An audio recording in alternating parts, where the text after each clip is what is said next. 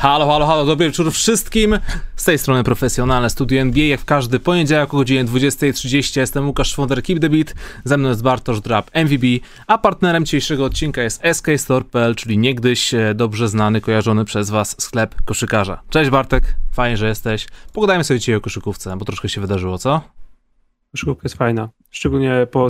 Znaczy, może nie to, że ostatni tydzień nie było źle, ale ostatni tydzień był mniej o koszykówce, więcej o ważniejszych rzeczach. Dzisiaj możemy troszkę wrócić do sportu, bo się dzieje w koszykówce mężczyzn spod loga NBA dorosłych ludzi. To prawda. Trzeba przyznać, że ten tydzień dał nam troszkę w kość, albo przynajmniej dał nam naprawdę masę emocji. Jeśli nie nocnych, to porannych, w zależności jaki macie system nadrabiania tych wszystkich e, koszykarskich newsów, meczów. To jak bardzo macie rozwalony rytm dobowy. Bądź, albo jesteście stróżami nocnymi. Pozdrawiam wszystkich stróżów nocnych, których wywołaliśmy do tablicy w zeszłym tygodniu. Słuchajcie, dziś e, przygotowaliśmy dla was kilka tematów. Przede wszystkim mieliśmy aż trzy mecze, w których zawodnicy NBA zdobyli minimum 50 punktów. To się nie zdarza często, żeby takie mecze się działy w jednym tygodniu. Oprócz tego mamy dla Was zupełnie nowy kącik, w którym będziemy bardzo dużo i merytorycznie gadać na temat poszczególnych kilku drużyn. Jest to kącik e, zrobiony właśnie we współpracy z skstore.pl. E, w odpowiednim czasie odpowiemy też na wszystkie Wasze pytania z donate'ów. Póki co zapraszamy do zostawiania kciuków w górę pod tą transmisją, witania się na czacie, odznaczania mnie na Insta Stories, ja to później popnę dalej. Fajnie, że jesteście. Kolejny poniedziałek, kolejny tydzień z koszykówką. Ech, Bartek, przygotowaliśmy na dzisiaj właśnie kilka tych najważniejszych tematów, headliny i w ogóle, ale oprócz tego przygotowałem sobie taką listę 21-linijkowych podpunktów z gatunku te rzeczy są na tyle interesujące, że wypadałoby o nich wspomnieć, ale nie ma czasu, by o nich pogadać. I zastanawiam się, co z tymi linijkami zrobić. A 21 no. Możemy się umówić na przykład na maksymalnie minutę na jedną, albo 30 sekund na jedną. Szybkie komentarze. Szybkie komentarze. analizy. Okej, okay, dobra, więc gadamy najpierw te tematy mniej istotne, a później przechodzimy na te tematy, które widzicie tutaj na liście na górze po prawej stronie. Więc tak. Reggie Jackson, wielki bohater Los Angeles Clippers. Um, crossover na, Ras na Russellu Westbrooku, który zakończył się próbą e, podhaczenia Reggie'ego Jacksona, ewidentny foul Russella Westbrooka, a następnie Reggie Jackson wychodzi i rzuca Papuccino trójeczkę w LeBrona Jamesa. Od czasu... I persi, niż... od I czasu... niszczący Lakers, odkąd Tyron Lue jest ich trenerem? Stare, znałem. 7 do 0 od czasu, gdy Tyron Lu został ich trenerem, a jeszcze dzisiaj doszły do mnie informacje, że Tyron Lu był na rozmowie, rozmowie kwalifikacyjnej u Lakersów e, swego czasu, ale zaoferowali mu zbyt, niską, zbyt niskie wynagrodzenie, więc poszedł do tej konkurencji, do tego drugiego klubu z LA i od tamtej pory z nimi ciśnie 7 do 0. A potem jeszcze nazwość Lakers przegrywa z Knicksami e, po paru dniach, żeby jeszcze bardziej upokorzyć Los Angeles Lakers. Druga linijka, Cameron Johnson e, zaliczył kosmiczny mecz, 38 punktów łącznie, z czego 21 punktów w samej czwartej kwarcie, trafiając multum trójek i swoją ostatnią, dziewiątą trójką zwyciężył buzzer beater. Cameron Johnson, Phoenix, Phoenix Suns, drużyna, jak widać, bardzo głęboka w talent. Szybka linijka. Super rzut na zwycięstwo. Jeden z cichych MIP tego sezonu, który nie dostanie tej nagrody. Luka Doncic sposterował Dwighta Howarda, który sobie leniwie czekał na zbiórkę, ponieważ zapomniał, że zawsze może tam gdzieś wyskoczyć wielki, potężny, wyskakany Polak, który y, będzie w stanie zapakować y, piłkę po zbiórce ofensywnej. Fajny highlight. Carmelo Antony nie zastawił. Dwight też trochę tak, tak nie popatrzył. Analizowaliśmy tę sytuację e, z Los Boysami, ponieważ ćwiczymy właśnie zastawianie i ktoś to potem rzucił i że właśnie Dwighta wina, a to nie jest wina Wysokiego, nie w tym przypadku. Carmelo nie zostawił, Doncic, e, Dwight też, ale innej osoby. Doncic okay. nie zostawił Carmelo. Ekipa sprzątająca Thunder nie zdążyła zmop zmopować podłogi, co popsuło kontratak Minnesota Timberwolves. To się dzieje rzadko, jest, jest interesujące strasznie bym się wkurzył, jakbym był na boisku, coś takiego wydarzyło się. Oni nie, na szczęście gram w amatorce i nie ma, nikt nie sprząta parkietu. Nie zatrzymali w ogóle akcji w tym posiadaniu, prawda? Y, nic się nie wydarzyło, po prostu gramy dalej. Była kontra dwóch na, dwóch na zero, bądź dwóch na dwóch, bo było dwóch mop, mop, mopiarzy. No cóż, nie wyszło. E, cyrkowy rzut rozpaczy Brandona Ingrama dziś w nocy przeciwko Denver Nuggets. Oczywiście, oczywiście mamy innego bohatera tego spotkania, o którym dzisiaj pogadamy, ale ten rzut wypadało o nim wspomnieć. Game winner Drew Holiday'a przeciwko Miami Heat.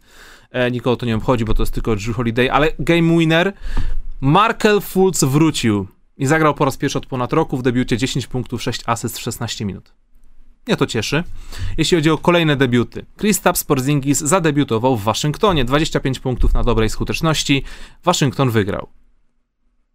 Czekamy na kilka meczów przerwy teraz dla równowagi. Tyri- Tyry... przerwy, knee treatment. Tyrese Maxi dalej jest przepiękny. 33 punkty przeciwko Cavs i znowu świetna skuteczność za 3 punkty. Top 5 szalonych fryzur w lidze. Jamorant sposterował Jacoba Poltla. Pulfa. Pulfa. Jacoba. Top 5 szalonych fryzur w lidze również. E, Jamorant oddał e, cyrkowy rzut po dalekim podaniu Stevena Adamsa, który był buzzer e, biterem w pierwszej połowie meczu. Miał na to dokładnie 40 sekundy i był to bardziej szalony rzut niż to, co zrobił Derek Fisher San Antonio Spurs te blisko 20 lat temu.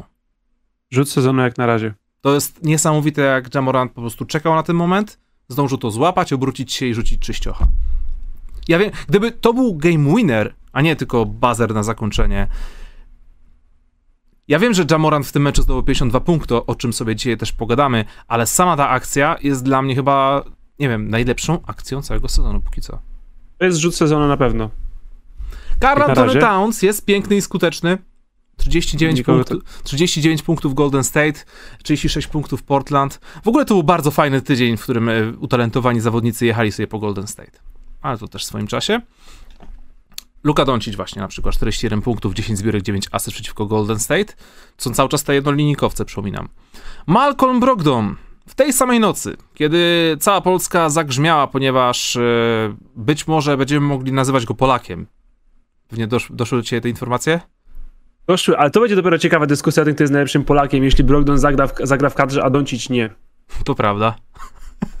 Nie, nie wiem, co wtedy zrobimy. Ciężko będzie. E, Może nie będziemy tutaj wchodzić w tematy, czy to jest słuszna decyzja, żeby Malcolm Brogdon był w kadrze Polski, ale wydaje mi się, że mamy takie czasy, że to jest zupełnie normalne. W każdym razie 31 punktów, 11 zbiórek, 8 asyst. W tym samym dniu, w którym się dowiedzieliśmy za sprawą przeglądu sportowego, że rozmowy są prowadzone, ponieważ e, jaka tam jest koneksja? Teściu, teściu Malcolma Brogdona z Polakiem. I Malcolm Brogdon był w Polsce. I to Przodkowie, Tyle. przodkowie żony Brogdona, czy tam narzeczonej, tak mają jakieś tam korzenie. Lecimy dalej. Nieważne.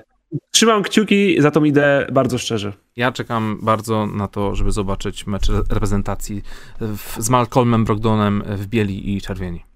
Zobaczyć wysokich polskich, którzy pokazują Brogdonowi, jak się gra pick and rolla. Jak on się zdziwi. Damarcus Cousins był starterem pod nieobecność Nikoli Jokicia, zdobył w tym meczu 31 punktów, 9 zbiórek, 4 asysty, 3 przechwyty, 1 blok na super skuteczności przeciwko Rockets. I jest to naprawdę świetna sprawa patrzeć, gdy Damarcus Cousins dostaje po raz kolejny szansę i mam nadzieję, że to nie jest jednorazowa szansa. Podczas jednej z tych akcji em, zrobił takiego spin move'a, że naprawdę można było mieć flashbacki, jakby to był znów 2015 rok. Nie będę mu umniejszał temu, e, że, że to zrobił tylko przeciwko Houston Rockets, bo wciąż Houston Rockets, przypominam, są drużyną NBA. Są dalej, nie są tam w lidze niżej. Super to wygląda i powiem ci, że Damarcus Cousins mógł być właśnie tym centrem, którego Denver szukali po stracie Javala McGee. I to chyba nie jest. Javal nie, McGee, tak nie jest to chwilowy przystanek. Czy to nie jest trzecia drużyna, która tęskni za Javalem McGee po Lakersach, Warriors i właśnie Denver trzecie? Niesamowite. Ten mecz Demarcusa Cousinsa był tak dobry, że prawie, prawie, bo w końcu się to nie wydarzyło, prawie powiedziałem sobie, Bartek, obejrzyj ten mecz Denver bez Jokicia z Houston Rockets. Ale nie zrobiłem tego. Ale w życiu bym nie pomyślał, że takie coś sobie kiedyśkolwiek powiem. Nawet jeśli potem powiedziałem, Bartek, nie no, bez przesady. Ja obejrzałem e, highlightsy, bo nie mogłem uwierzyć w to, co zrobił Demarcus Cousins i e, nie żałuję tych kilku minut. Chris Middleton wygląda jak Michael Jordan za każdym razem, gdy widzi przed sobą trykoty Phoenix Suns. Ziew, Co o tym myślisz? ziew, Pamiętasz, jak z nimi jechał w finale w ubiegłym roku? ziew. A wiesz, że teraz pojechał z nimi znowu? 44 punkty, 8 zbiórek? Bez Bookera i Pola, no. Okej.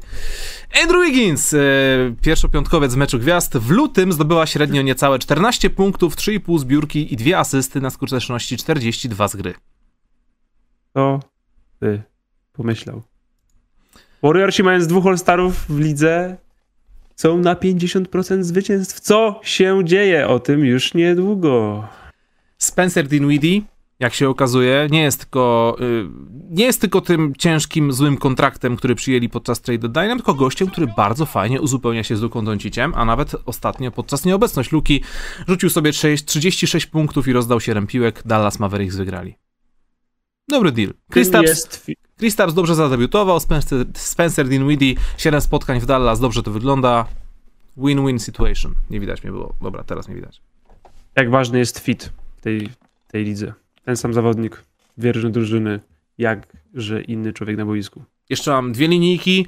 Pierwsza to jest taka ciekawostka, która się musi tutaj pojawić. To już jest uwaga pewne, ponieważ Sacramento Kings wygrali ponad połowę spotkań i w ten sposób ciągną właśnie swój szesnasty sezon z rzędu, który skończą z przegrywającym bilansem, czyli poniżej 50% zwycięstw. Jest to taka najdłuższa Jest! seria, Tak! najdłuższa seria w całej historii ligi NBA. 16 bitych lat.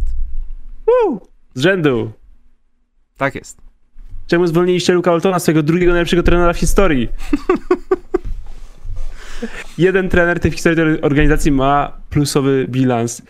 Nieprawdopodobne, jak Rick- Rick słabym Adelman. można być. Rick Tak, Adelman. Rick Adelman. 8 sezonów e, na plusie, po czym stwierdzili, że go zwolnią. Sacramento Kings! I od, tam, i od tamtej pory mi- mieliście, mieli 11 innych trenerów, którzy ani razu nie, nie osiągnęli tych mitycznych 50%. No ale hej, Darren Fox rzucił ostatnio 44 punkty, więc otrzyjmy sobie łezkę. Ostatnia linijka, którą stawiłem na koniec, bo wiem, że dzisiaj będziemy między innymi rozmawiać o tym klubie. Kyrie Irving e, powiedział takie zdanie jakiś czas temu. Tylko poczekajcie, jak nasz skład się ogarnie po przerwie na All-Star. I od tamtej pory Brooklyn Nets, czyli drużyna Kyriego Irvinga, przegrała 5 z 6 spotkań. Ciekawe. Ciekawe. To były moje jednolinijkowe strzały na dziś. Brakuje ci jednego, Łukasz. Słucham. Wiktor Oladipo macie zadebiutować w nocy.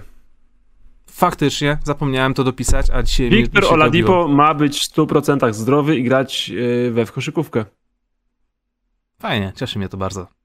Jest to mniej więcej porównywalny news do tego, że Demarcus Cousins zdobył te 37 punktów. No, Ale jakby. Wiktor Oladipo rzucił 31 punktów na, na skuteczności tam, nie wiem, 70-65%, ja, ja, ja, ja, mu, ja mu kibicuję. Ja też, ja też, ale na razie jest to taki mały news jak tamten. Okej, więc to były moje jednolinijkowe strzały na ten moment. Mamy za sobą już 12 minut tego programu. Informuję, że fajnie byłoby, jakbyście zostawili tego kciuka w górę. Jak już teraz rozpoczynamy na serio. Bartek. W zeszłym tygodniu, w poniedziałek, zrobiliśmy naprawdę bardzo specjalny program. E, jeszcze raz, e, już o tym pisałem, czy na Instagramie, na Twitterze, na Facebooku, wszędzie o tym pisałem, bo e, wy jako widzowie zrobiliście coś naprawdę niesamowitego. Uzbieraliśmy 11 tysięcy złotych na pomoc dla Ukrainy. Ale we wtorek z rana obudziliśmy się na news, co zrobił właśnie w nocy Jamorant i pamiętam jak napisałeś coś takiego Jamorancie, dlaczego robisz nam takie rzeczy tej samej nocy, w którym gdzie ledwo co skończyliśmy program i teraz musimy poczekać tydzień, żeby móc zachwalić to, jak wybitnym człowiekiem, jak wybitnym koszykarzem jesteś. No cóż. Kiedy to już będzie stare i nikt o tym nie będzie pamiętał. Ale tydzień minął i wam teraz o tym przypomnimy, bo to, co Jamoran zrobił, było. No, tak jak przed chwilą wspomniałem. Ten rzut w połowie e, to jest póki co chyba najlepsza akcja, jaką widziałem w tym sezonie. Sam Jamorant zdobył w tym spotkaniu 52 punkty. Był to jego, jest to jego rekord kariery. Gdzieś tu sobie tu zapisałem jakie inne statystyki zaliczył. 7 zbiórek jeszcze dodał, plus minus na poziomie plus 23, skuteczność 73%, w tym trafił wszystkie cztery trójki y, w tym spotkaniu. I te trójki to były takie trójki trochę z dupy. Takie tam, że po odegraniu mało czasu, krok za linią, półtora kroku za linią, to jest wow. Dokładnie, to, to było super, co on robił, bo e, Jamorant, na przykład nie chcę umniejszać Lebronowi, bo o Lebronie też dzisiaj będziemy gadać, ale LeBron zrobił te 56 punktów w taki sposób, że odrobił, od, zrobił po prostu 200% normy pracy, nie? A Jamorant zrobił e, 200% normy pracy, ale dodał do- od siebie taki, nie wiem, teatralny, super estetyczny dodatek, żeby to było piękne i w ogóle. Te same highlighty Jamoranta z tego spotkania, one będą klasykiem za 10-15 lat. Będziemy je sobie puszczać, jak nie wiem, jak te występy 60-punktowe Tracy'ego czy MJ'a. Bo, bo, on nie zdobywał tak po prostu punktów w tym meczu. On się wbijał między trzech obrońców, był potrajany, po czym robił jakiś spin move na jednej nóżce, rzucał fadeawaya, splitował między tymi obrońcami, rzucał floatery. Tak jak mówiłeś przed chwilą, te trójki były takie, że już na przykład akcja się kończyła i dobra, trzeba odpalić rzut, więc odpalę, ten, odpalę tę trójkę, dwa linie, dwa, y, dwa kroki za linią. Naprawdę super to wszystko wyglądało. Dodajmy do tego jeszcze niesamowity poster nad Jacobem Peltlem, ten rzut w połowie e, i, i, i nie wiem, Jamorant jest tym, kim był Vince Carter dla wszystkich fanów highlightów 20 lat temu. Nie no, chłop jest tak elektryczny. Oglądam sobie ten, Jezus Mary, ten poster jest nieprawdopodobny i jest drugą najlepszą akcją z tego meczu jednego zawodnika, nie? Mhm. Jest niesamowita, niesamowite po prostu, co ten, ten mecz był, to był najfajniejszy występ taki pojedynczy, bo ten, oglądałem te wszystkie te oczywiście występy 50 plus punktowe, jeden oczywiście oglądaliśmy wczoraj mhm. razem z The Winnerem na żywo, no ale ten LeBron, no to jest 37-latek zdobywający 56 punktów, nie? Ale ten Moranta, to to jest Space Jam, nie? Jest elektrycznie, jest do przodu, do kosza, do góry, po prostu wszystko lata, żółte elementy stroju, no po prostu niesamowite. Wiesz, szary parkiet San Antonio Spurs z szarymi koszulkami San Antonio Spurs, taki granat ciemny, nudny Memphis Grizzlies i tylko te włosy Moranta i te żółte wstawki i po prostu wyskakujący z ekranu zawodnik, nie? Niesamowite. Tak Ale w ogóle widziałeś parkiet Oklahomy w tamtym tygodniu? Taki tragiczny. Nie zwróciłem uwagi. Bardzo dobrze, nie oglądasz Oklahoma, to się bardzo znaczy, że szanujesz swój czas i swoje życie, ale odpal jakieś highlighty, kilka meczów Oklahoma siebie, jaki oni zrobili parkiet, no nie wiem, czy to było wszystkich meczach, bo ja też nie oglądam Oklahoma oczywiście za, za, za, prawie w ogóle.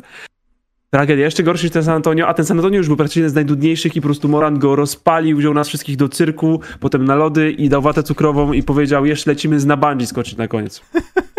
Dokładnie tak było. Jeszcze od siebie tylko dodam e, w ramach takiej ciekawostki, że do tego spotkania w poniedziałek w nocy Memphis Grizzlies byli jedyną drużyną, która nigdy nie miała w swoim składzie zawodnika, który zdobył 50 punktów w meczu NBA.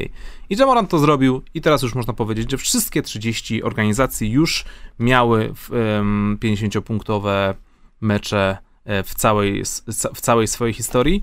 Co w ogóle jest takie niesamowite, biorąc pod uwagę to, że Jamorant jest e, chłopakiem, który ma zaledwie 22 lata. Ma owszem teraz niesamowity sezon. W końcu starter też do meczu gwiazd. Jeden, można śmiało powiedzieć, jeden z pięciu.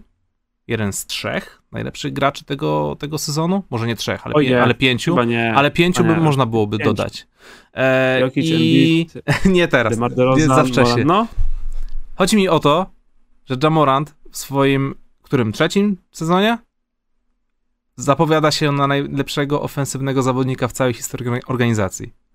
Wygląda jakby był w trakcie y, robienia najlepszego sezonu zawodnika w tym klubie. Mhm. Super się na Nawet to jeśli to jest na wyrost i chcemy jeszcze o Marka Gasola się kłócić, albo nie wiem, o młodego Pał, ale to za rok już się nie będziemy kłócić na pewno. Jak ten gość tam zostanie z 8 lat, to będzie najlepszym zawodnikiem w historii. I to właśnie dowodzi, do, w jak nudnym miejscu jest z Memphis Grizzlies. Ludzie, oni nigdy nie widzieli 50-punktowego występu. Nigdy nie widzieli. Nigdy tej hali, aż przyszedł po prostu, znaczy to i tak było, bo to było na wyjeździe, ale wiesz, swojego zawodnika, aż Morant po prostu spłynął do nich z niebios, szedł, złapał ich, ujął ich za głowy, przytulił dzieci i powiedział jestem z wami, jestem ale z wami, tak, spokojnie. Ty tak kwieciście o tym opowiadasz, jakbyś, nie wiem, jakby, jak, jak Larry Bird opowiadający o Michaelu Jordanie na początku kariery. Super, super to wszystko brzmi, ja, ja muszę sobie to zszotować wszystko. Uwielbiam tego zawodnika. On jest po prostu jest jest iskrą, nie? On po prostu wszedł i wziął nas ze sobą i nie wiemy, co się dzieje, ale jest super, jedziemy tym wagonikiem, no to jest... Dla mnie to jest doświadczenie tego, nie wiem, czy mogę z czymś porównać, bo nie wiem, ja, ja na przykład strasznie się jarałem, jak Kary wchodził w swój prime i to w ogóle też był odpał i pokazywałem swoim niekoszkarskim kolegom w ogóle, wiesz, co się dzieje i oni się zachwycali i ja chciałem ich bić, nie? Mhm. E, LeBron mnie trochę irytował, wiecie, na początku, bo był za dobry jeszcze go nie umiałem docenić. E, Kobe zawsze był takim idolem, ale to było zawsze, zawsze. To nie było tak, że nagle on wyrósł. On, odkąd pamiętam, tu był. Nie pamiętam takiego zajawienia się jeszcze starszymi tymi Carter, Iverson, bo byłem za młody wtedy i może właśnie Jamorandy z moim takim doświadczeniem, że Boże. O.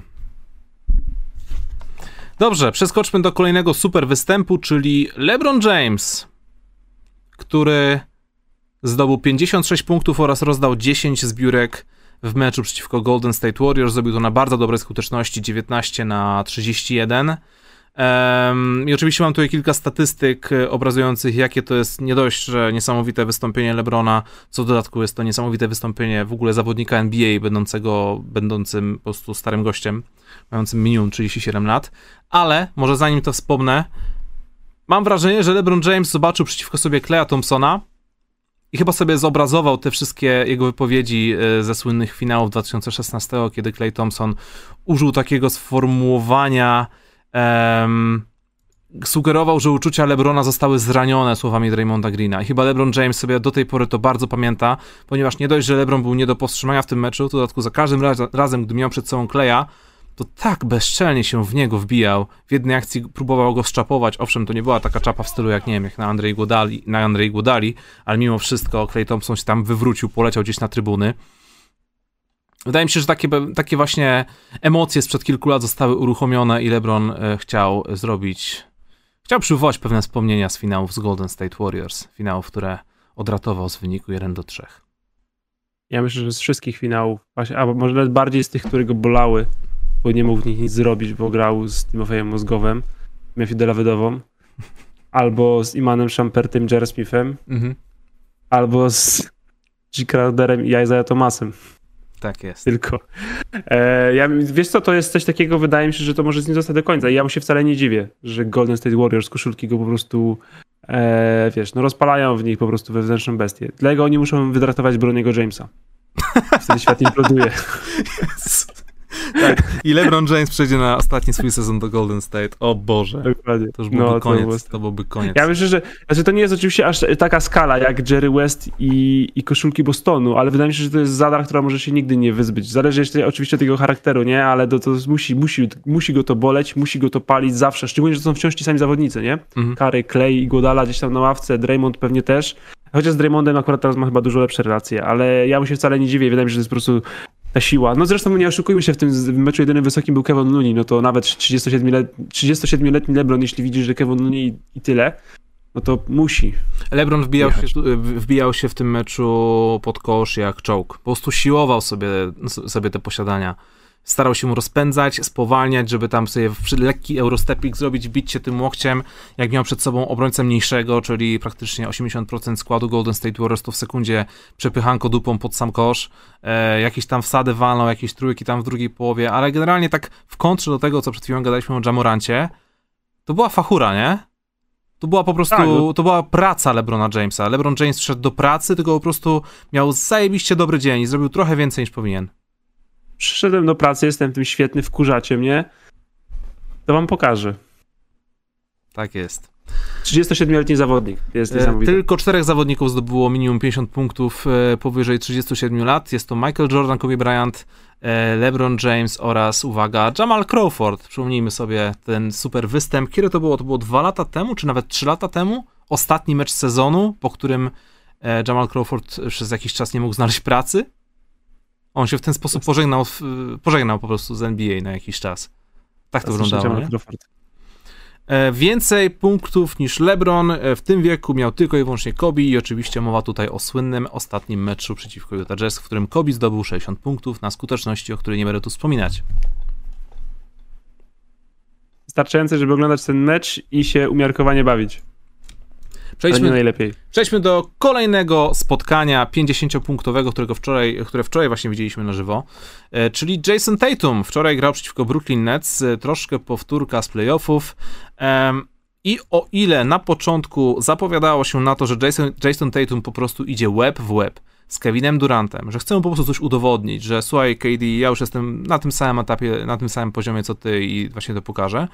Później na tym, na tym, y, jak była ta trzecia kwarta, miał taki moment, gdzie spudował kilka rzutów z rzędu i zaczęliśmy troszkę się zastanawiać, że okej, okay, paliwa w baku zabrakło, po czym nagle pyk, zaczął trafiać trójki, wchodzić pod kosz, oddawać rzuty wolne i Jason Tatum zakończył mecz z wynikiem 54 punktów na skuteczności 53%, trafił 8 trójek i e, dla Billa Simonsa na pewno było to bardzo duchowe doświadczenie, Dla wszystkich fanów Boston Celtics na pewno również. Dla nas po, po, prostu był to bardzo dobry mecz, który się do tej pory nie zapowiadał. I troszkę żałuję, że Jason Tatum miał ten gorszy moment e, w tej trzeciej kwarcie, bo z taką dyspozycją, jakby nie miał tego gorszego momentu, to równie dobrze mógłby zagrać najlepszy mecz tego sezonu spośród w ogóle wszystkich, według e, tych wszystkich specjalnych ratingów, game score i w ogóle.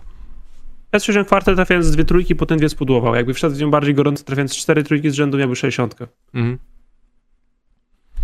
Ale Bill Simmons już, już się tym nie zajmuje. Bill Simmons już jest zajęty dzisiaj szkalowaniem Lakers na Twitterze. Już spokojnie. A, już nie, okay. że to Celtics się nie można tyle cieszyć, nie można tak bardzo tej temat docenić. Trzeba się już przeskoczyć na naprawdę ulubionego konia i no dobra, ale Bill Simmons wczoraj yy, powiedział to zarówno w podcaście, bo sobie tam przesłuchałem fragment akurat o Celtach, bo chciałem wiedzieć, jak on tam bardzo się zachwyca tym. Przeczytałem jego tweety i w ogóle i słusznie zauważa, że Jason Tatum znacząco poprawił swoją decyzyjność boiskową, swoje koszykarskie IQ. Jeszcze jakiś czas temu, jeszcze kilka miesięcy temu, ja przynajmniej e, byłem bardzo negatywnie nastawiony do tego, że Jason Tatum trochę za bardzo bawi się w Kobiego, gdzie obok ma obok siebie Jane'a Browna, Markusa Smarta, E, i oni też mogliby coś pograć, porzucać, pokreować, podczas gdy Jason Tatum po prostu przekracza linię połowy i bawi się w tej izolację i później nagle kończy mecz na skuteczności 35-40%, co mu nie do końca przystoi. I wczoraj dało radę to zauważyć, że kiedy te rzuty przestały mu wchodzić, kiedy widział już te podwojenia i w ogóle, zaczął tak oddawać te piłki, nawet kilka asyst rozdał, próbował wykreować kolegów, wiesz, tak nie rzucał na hama. Bardzo dobrze się to oglądało i jak e, to właśnie ujęliśmy w tytule tego programu, Jason Tatum chyba już dorósł. Już to nie jest, nie jest Jason Tatum, uh, he's 19, tylko to jest chłopak, który niedawno... Jest. Jest his. Tylko to jest chłopak, który niedawno skończył 24 lata i czy chcemy tego, czy nie, nieważne jakby nie wyglądał, jakby miał baby face i w ogóle, to już jest weteran. To już jest weteran i e, jeśli on będzie tak grać jak wczoraj, kurczę, może nawet nie, nie dość, że się zaapie do topki 10 najlepszych koszykarzy w NBA, którą pewnie przygotujemy podczas off-season, tylko pójdzie gdzieś wyżej, może nawet do kategorii kandydatów do MVP. Spokojnie. Tylko mówię. Tylko mówię, bo jestem. Y, chodzi o to, że.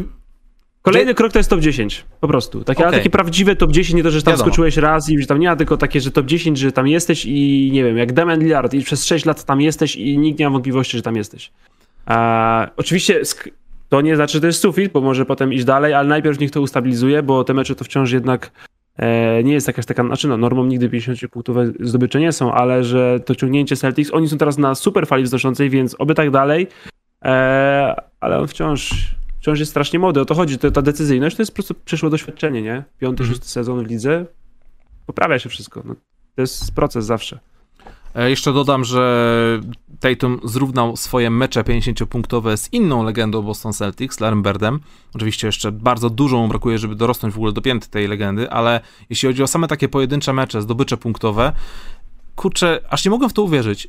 Czy ty wiesz, że Jason Tatum w ciągu samego, jednego roku, w ciągu jednego roku, w ciągu 365 dni miał aż 6 meczów 50-punktowych, wliczając również playoffy?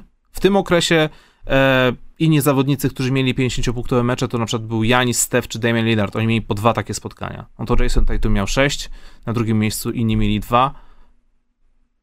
Robi to wrażenie trochę. Jest całkiem dobry w strzelaniu koszy. Tak. Nie, no jest świetny, właśnie, ale właśnie chodzi o to, że też co to wspominaliśmy wczoraj w trakcie komentarza, że jego rzuty i punkty zawsze będą tam. Bo on jest w tym rewelacyjny i to jest coś, co ma i tak jak mówisz, że nie musi strasznie ciężko pracować na rzut, bo on go ma po prostu. Może go oddać w większej sytuacji bez większego wysiłku, więc dlatego fajnie, żeby się właśnie skupiał najpierw na innych elementach, aż punkty do niego przyjdą, bo te punkty, bo to, to, o to chodzi właśnie, żeby on się stał takim, takim gościem prowadzącym grę swojego zespołu, że to nie jest tak, że on musi pracować, żeby zdobyć 30 punktów, tylko on będzie wchodził na boisko i 25 punktów będzie wchodziło z nim, po mhm. prostu, tak tak jak, tak jak LeBron wchodzi 10, jak Kevin Durant wchodzi, on praktycznie z 300 wchodzi. Jak Janis też wchodzi. Janis wchodzi na boisko i on wchodzi z 25 punktami. To jest po prostu to nie jest jakieś wyzwanie, wysiłek czy coś, to jest coś, co się dzieje po prostu przy okazji. Jak zobacz 40, to jest o, miał dobrą noc rzutową, albo o, był bardziej agresywny, ale 25, no jakbyś zobaczył linijkę Janisa 25-9, to byś nawet nie ziewnął na nią. Nikogo mm. to nie obchodzi, już to nie jest żaden, nie, to jest nic, bo on 24 punkty zdobył, no pff, jak miał nie zdobyć. E, I Tatum też, ten, ten, ten, ten poziom to też jest właśnie poziom wyżej, nie taki, że 27 punktów, tam o 12 tylko rzutów i coś takiego, że super, super, tylko takie, że on robi to co, co, co, co noc, zawsze i po prostu już nawet na to nie zwracamy uwagi. Kolejny temat to Nikolaj Jokic, czyli Sloppy Fat Boy for the win, ponieważ Nikolaj Jokic owszem miał ostatnio troszkę gorszy okres, zaliczył jeden mecz z jednocyfrową zdobyczą punktową, później coś tam sobie popauzował, ale przeciwko Pelicans zrobił taką oto linijkę. 46 punktów, 12 zbiórek, 11 asyst, 3 przechwyty, 4 bloki, trafił 16 z 22 prób z gry. I tak patrzę na tę linijkę i nie wiem, to, to jest, wiesz, to jest linijka, jakbyś sobie, nie wiem, stworzył postać w 2 i odpalił poziom ruki i stwierdził, dobra, muszę pogrindować. Muszę, od, muszę odblokować atrybuty, muszę pozbierać VC i będę robić takie rzeczy. E, naprawdę super to wyglądało. Dzisiaj będę, właśnie dzisiaj będziemy troszkę też gadać o Denver Nuggets, więc, więc ogólnie o wpływie Nikoli Jokicia wspomnimy w dalszej części programu, ale posprawdzałem sobie jak na bazie w ogóle całego sezonu, a nawet całej historii NBA na którym miejscu jakby plasuje się ten występ Nikoli Jokicia. Bo on robi wrażenie, ale nie aż tak, bo, bo to jest 46 punktów, a nie 50. Wiesz o co chodzi. Ale na chorej skuteczności. Ale na chorej skuteczności. Ale wiesz, chodzi o tą liczbę z przodu. I mhm. e, według ESPN Player Ranking był to drugi najlepszy występ tego sezonu. Na pierwszym miejscu jest cały czas Trey Young, który na początku sezonu miał 56 punktów, 14 asyst na bardzo wysokiej skuteczności, ale nikt o tym nie pamięta, bo Atlanta przegrało ten mecz no cóż, shit happens, nie? Ale na Basketball Reference jest taki specjalny przelicznik GameScore, który ocenia produktywność e, zawodnika w danym dniu na boisku. E, na, na, przykład o takim najwyższym GameScore historii opowiadałem przy materiale o Kubim Bryancie, historia 81 punktów, e, bo chciałem jakby uplasować ten mecz Kobiego, 81 punktów na meczu z Michael, Michaela Jordana, w którym zdobył 69 punktów grając przeciwko Cavs, albo przeciwko meczowi Willowy Chamberlaina, który zdobył 100 punktów. W każdym razie, ciągu zaledwie tego roku, w ciągu zaledwie 40 kilku dni, półtora miesiąca, Nikolaj Jokic zagrał dwa mecze, które pozwoliły przebić mu się do topki, do top 50 najlepszych, najlepszych indywidualnych wystąpień w całej historii NBA. I nie wiem, czy to, e, czy to jest taka przez, czy ja, to, czy, to ja, czy ja lekko przesadzam, że to jest fascynujące i imponujące, czy czy to jest po prostu statystyka, która nikogo nie obchodzi. Mówimy o 75-letniej e, historii NBA i to, że Nikolaj Jokic zagrał zaledwie w 2022 e, dwa mecze, które już są w pierwszej 50, gdzie tych meczów pewnie było kilkaset tysięcy. W ogóle nie przesadzasz. Kalop, że tutaj pisze na czasie. Statmius zrobił sobie takie porównanie dzisiaj na Twitterze właśnie, też czytałem je przed studiem, że zebrał wszystkie statystyki, znaczy bardzo dużo statystyk i zrankował je y, Embida, Jokicza i Janisa. Puściłem to na Twitterze właśnie, bo to jest niesamowite, no. co, co tam, jak to tam wygląda. Jokic to jest MVP tego sezonu dla mnie. To jest... Jokic jest prawda? jest Prawda?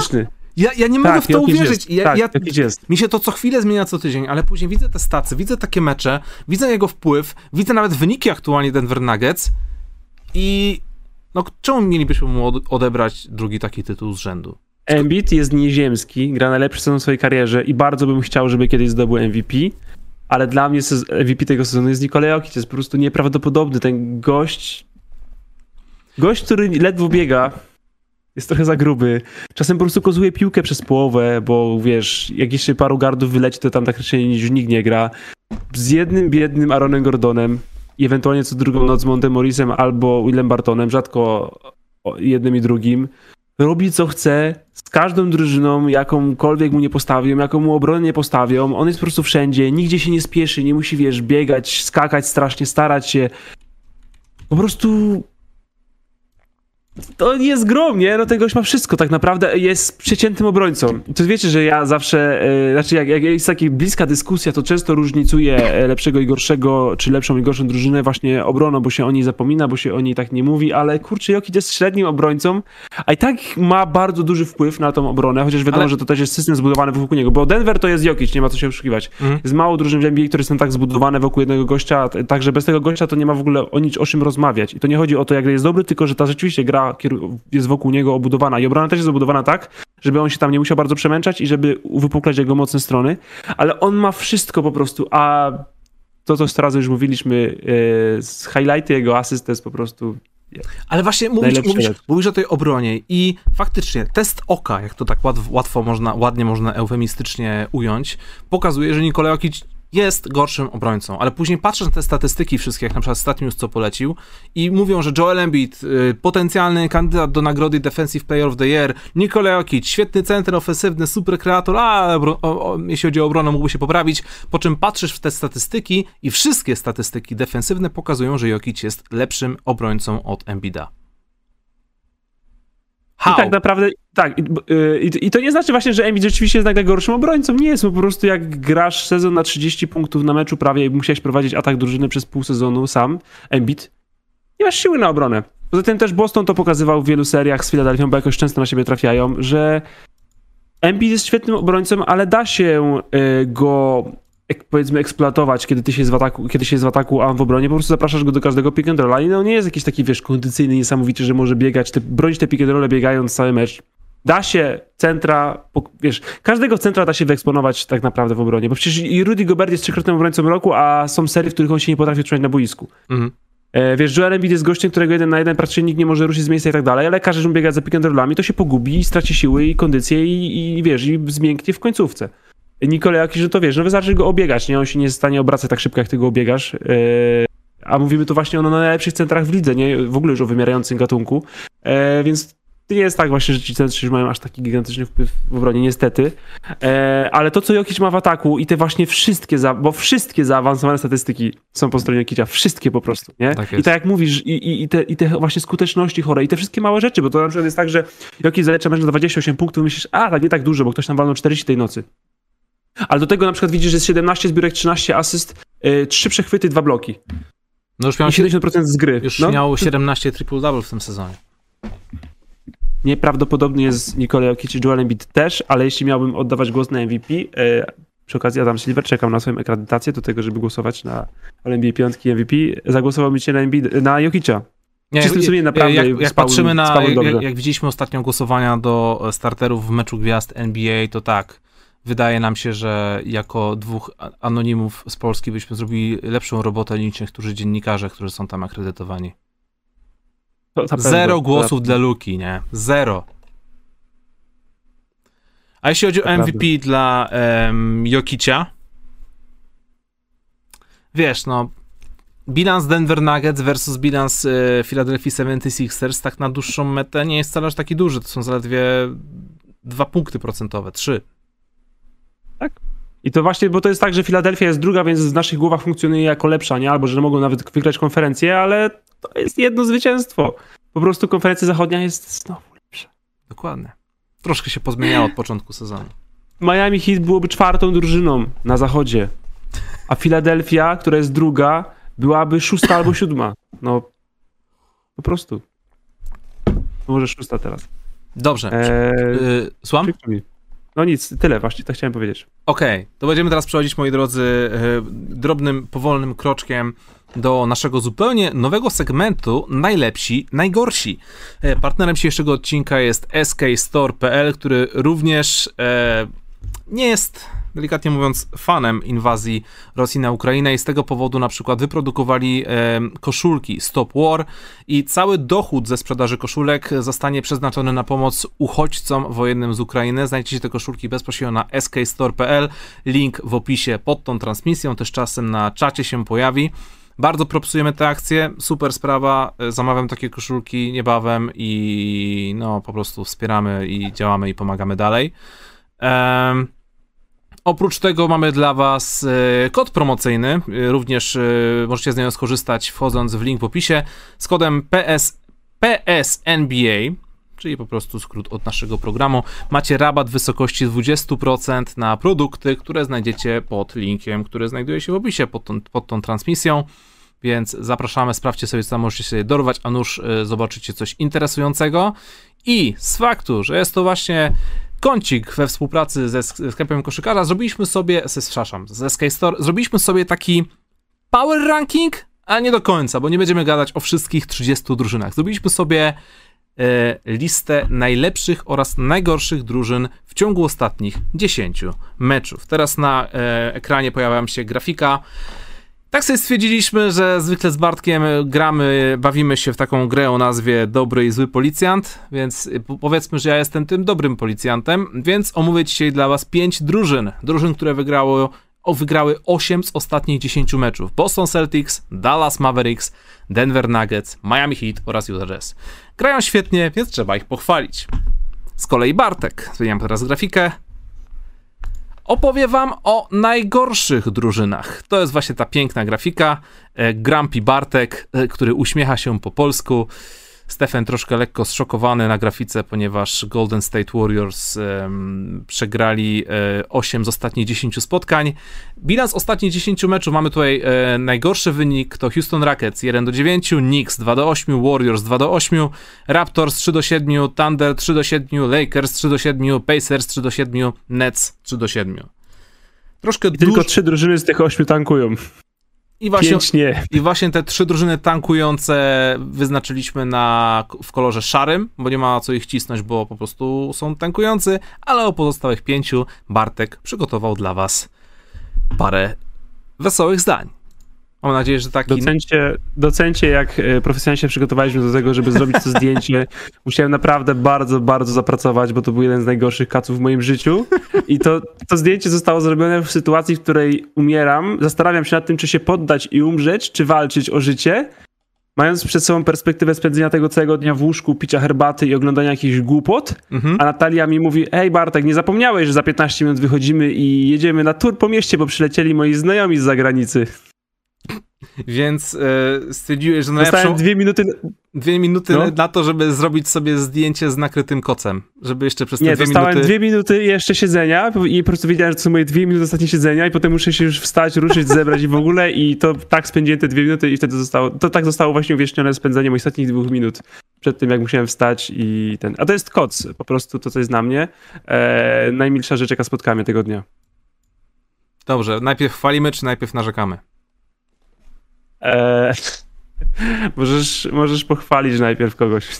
Dobrze, moi drodzy, to skoro gadaliśmy już o Jasonie Tatumie, to ja wam tutaj dam parę zdań, parę ciekawostek statystycznych oraz parę dość mocnych pochwał dla Boston Celtics, którzy grają naprawdę Wybitny rok 2022. Wygrali aż 16 z ostatnich 19 spotkań, ale ja skupię się tylko na ostatnich 10, w którym mają bilans 8 do 2.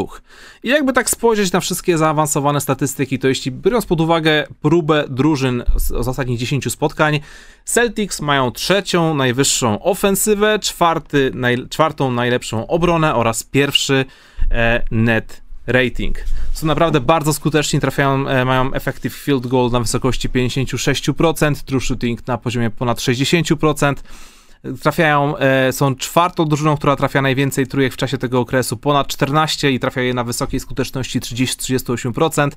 Gubili w tym czasie średnio niewiele, ponad 12 piłek, co nie jest wcale aż takim złym wynikiem, są w pierwszej dziesiątce, ale tutaj z czego najbardziej bym chciałbym ich pochwalić, to to, że Boston Celtics po cichu stali się drużyną, która podaje sobie piłkę. To już nie jest drużyna, która cały czas tylko i wyłącznie gra na izolacji. E, rozdają średnio, w ciągu tych 10 spotkań rozdawali średnio 27 asyst, co daje im siódme miejsce na liście wszystkich asystujących drużyn. Naprawdę świetne krążenie piłki. E, gratisowo są najlepiej blokującą drużyną, chociaż tutaj trzeba oczywiście przyznać, że jest to głównie zasługa Roberta Williamsa. Wygrali wszystkie 12 meczów, gdy grali w pełnym składzie ostatnio. I co tu można powiedzieć? Derek White, owszem, może nie do końca jego statystyki wskazują, jakby się super tam odnalazł. 11 punktów średnio, ale na słabej skuteczności, ale dokłada w obronie, dokłada e, krążenie piłki, robi te wszystkie drobne rzeczy, które sprawiają, że jest po prostu przydatny. Gdy Derek White jest na boisku, Boston Celtics są plus 6. E, Grant Williams jest naprawdę bardzo skutecznym zmiennikiem, trafia trójki na poziomie 50%. Jason Tatum to jest w ogóle inna liga w ciągu tych 10 spotkań. E, 32 punkty średnio na skuteczności 47%. Al Horford gra jakby był to rok 2016. 11,5 punkta na 55%, trafia trójki na 45%, rozdaje, e, zbiera prawie 9 zbiórek i jest 12,5 na plusie, to jest najwyższy wskaźnik plus minus e, w tym okresie dla wszystkich dla wszystkich zawodników Boston Celtics. Naprawdę super to wygląda, a co najważniejsze, wisienką na torcie, te zwycięstwa nie są przeciwko ogórkom. E, Brooklyn Nets wygrali z Philadelphia 76ers, Denver Nuggets, Memphis Grizzlies, dwukrotnie z Brooklyn Nets oraz dwukrotnie z Atlantą Hawks, którzy ciągle lawirują tam na wysokości 50%. Co prawda te porażki ostatnio z Indianą i Detroit troszkę jakby nie pasują do, do tezy, ale mimo wszystko Boston Celtics e, no, na ten moment wyglądają jak jedna z dwóch, o ile nie najlepsza drużyna e, ostatnich dwóch, trzech tygodni. To jest moje chwalenie. No ja dokładam się zakładając zieloną bluzę, tak jak obiecałem wczoraj na komentarzu Winera. Dobrze. Od jakiej drużyny zaczniesz e, mówić o najgorszych? Brooklyn Nets możemy zacząć. Fenomenalna drużyna, jesteś na świeżo, wspaniale się ich ogląda. Brooklyn Nets, czyli najświeższy członek e, grona drużyn, który ma ujemny bilans w tym sezonie. Jeden z dwóch głównych faworytów do mistrzostwa. Udało im się to osiągnąć, przygrywając wczoraj mecz z, z, Boston Celtics, wpadając w dołek 3-7 w ciągu ostatnich 10 meczów, zaliczając czwartą porażkę z rzędu. Mimo to, że zagrał i Kyrie Irving, i Kevin Durant. E, Brooklyn Nets są w tym sezonie oszałamiające 5-11 oszałamiające 5-11, kiedy Irving gra. Mhm. Wspaniała druga gwiazda, polecam dzieciom w każdym wieku. E, z Durantem oczywiście ten wynik jest dużo lepszy, ale Durant y, nie, no, opuścił już sporo meczów w tym sezonie i Operowanie na założeniu, że, że zaliczy wszystkie mecze spokojnie w zdrowiu do końca, to jest bardzo ryzykowna sprawa. Zagrał tylko w 38 meczach w tym sezonie i gra fenomenalnie i można by myśleć może o nim jako jeden z kandydatów do MVP, bo i skuteczności są na miejscu i jakby zbiórki, i asysty i te punkty zdecydowanie, ale Brooklyn Nets są w tym momencie w play-in tournament, mając tylko mecz przewagi nad Atlantą. Naprawdę, naprawdę powinni się cieszyć, że dalej są drużyny, które naprawdę już nic nie chcą od tego sezonu, bo Charlotte są przed nimi, Atlanta jest o krok od nich. Eee, Toronto Raptors również jest 3-7, jest już 2,5 meczu przed nimi. To jest po prostu nieprawdopodobne. W tej drużynie nie da się zbudować nic, nie da się zbudować ciągłości. Są świeży po tradzie, który rozwalił znowu ich, powiedzmy, jakąś drużynę z tego sezonu. James Harden odszedł, a, a też trochę ich ściągnął w międzyczasie. Mają dwa nowe nabytki Seta Karego i Andre Dramonda, ale to są tylko zadaniowcy. Ben Simmons, słuchajcie, jednak ma problemy z plecami. Szokado, Stare znaliśmy, bo było to rok temu to samo. Poza tym ten Simons to jak wiemy zawodnik w playoffach nieudowodniony jeszcze. Mhm. Nie wiemy czy istnieje. Eee, I nie wiemy też w ogóle kiedy zagra. Na pewno nie wydarzy się to. Znaczy z tego co mówili e, menadżerowie Nets, to nie wydarzy się w marcu, więc zostanie tego czasu naprawdę bardzo mało, żeby zbudować cokolwiek. W tej drużynie cały czas nie ma żadnego, żadnego rim protection, e, bo Andre Damo to są zbiórki, a nie bloki i straszenie gardów przed gwiazdami. Blake Griffin jest stary, Lamarcus jest jeszcze starszy. Paul Millsap, jedno ze wzmocnień przedsezonowych, był jeszcze starszy i okazał się, że jednak nie jest w stanie już grać, został zwolniony. Mhm. Joe Harris out of season, potrzebuje kolejnej operacji kostki i ten sezon Nets się po prostu no cóż, nie wydarza się, bo nawet mówię, jeśli w tym optymistycznym za założeniu, że Simon wraca, e, Durant się nie rozwala, Irving może grać wszędzie i wszystkie mecze, to będą mieli maksymalnie 8-12 spotkań na zbudowanie jakiejkolwiek chemii i nie widzę tego. Eee... Jedyne na co teraz możemy liczyć, to żeby trafili Boston w pierwszej rundzie i przegrali z nimi, po to, żeby Kyrie dalej mógł być nastolatkiem i obrażać Boston Celtics swoimi wrzutkami. Dziękuję ci Bartek. Zawsze warto posłuchać, co masz do powiedzenia na temat drużyn, które sobie nie radzą. E, tutaj warto wspomnieć jeszcze dwa cytaty Kyriego Irvinga. Pierwszy jest bardzo taki mm, sentymentalny, ponieważ Kyrie odniósł się do tego, że Kevin Durant przekroczył właśnie e, limit, e, limit e, pulę 25 tysięcy punktów w swojej karierze i Kyrie tak fajnie ujął, że on to widzi w przyszłości, że patrzy już taki stary na siebie i Kevina Duranta i będą patrzeć, wspominać te cudowne czasy, te kilka mistrzostw, które, które być może dostaną i tak trochę mi się to gryzie, patrząc na historię ostatnich sezonów Kyriego oraz aktualne położenie Brooklyn Nets. Ale skoro ja zacząłem mówić o Boston Celtics... Trochę mu brakuje, troszkę mu brakuje. E, sprawdziłem, teraz ma obecnie 13 688 punktów. Jest to pewnie połączone z tym, że zagrał więcej minut niż taki na przykład Clay Thompson, który miał pauzę prawie dwuletnią, ale nieważne. Eee, skoro ja zacząłem mówić o Boston, ty zacząłeś mówić o Brooklyn, to warto tutaj wspomnieć e, sytuację wczorajszego meczu, w którym to Kyrie Irving został wybuczany przez widownię Bostonu i akurat bardzo um, bardzo fajne zachowanie ze strony Jasona Tatuma, który jakby sugerował, słuchajcie, tak pokazywał takie ręce w dół, nie? Taki, taki gest mówiący przyciście się, okażcie trochę szacunku i w ogóle. Kyrie Irving wyśmiał to i później podczas konferencji prasowej odniósł się do Boston Celtics, mówiąc, że e, Celtics to jest jak taka zlekceważona dziewczyna, która prosi o wyjaśnienie, dlaczego odszedł, ale wciąż chce otrzymać odpowiedzi na wiadomości. I tak się zastanawiam, na ile. Jakiego podpunktu brakuje w tej wypowiedzi Kairiego?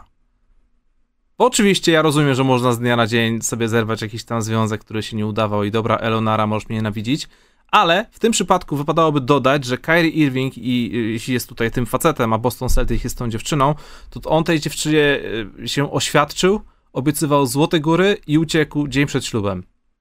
Więc chyba ma prawo być na niego zła. Tak sobie myślę. Nie, na Kajego? Nie, nie, nie, Łukasz, to jest nie jego wina. Nie wiem, jak ja cały czas przypominam i będę to przypominał dla wszystkich, którzy zapomnieli, jak to Kyrie Irving wychodził z mikrofonem na środek boiska i mówił, że Boston, kocham was, e, będę tutaj grał i wygramy i, i... Czemu on się dziwi, że jest nielubiany w Bostonie, powiedz mi? Skoro gdy tylko, skoro w playoffach się nie pokazał, w sensie grał na boisku, ale lepiej o tym nie wspominać, po czym dał nogę przy pierwszej lepszej okazji?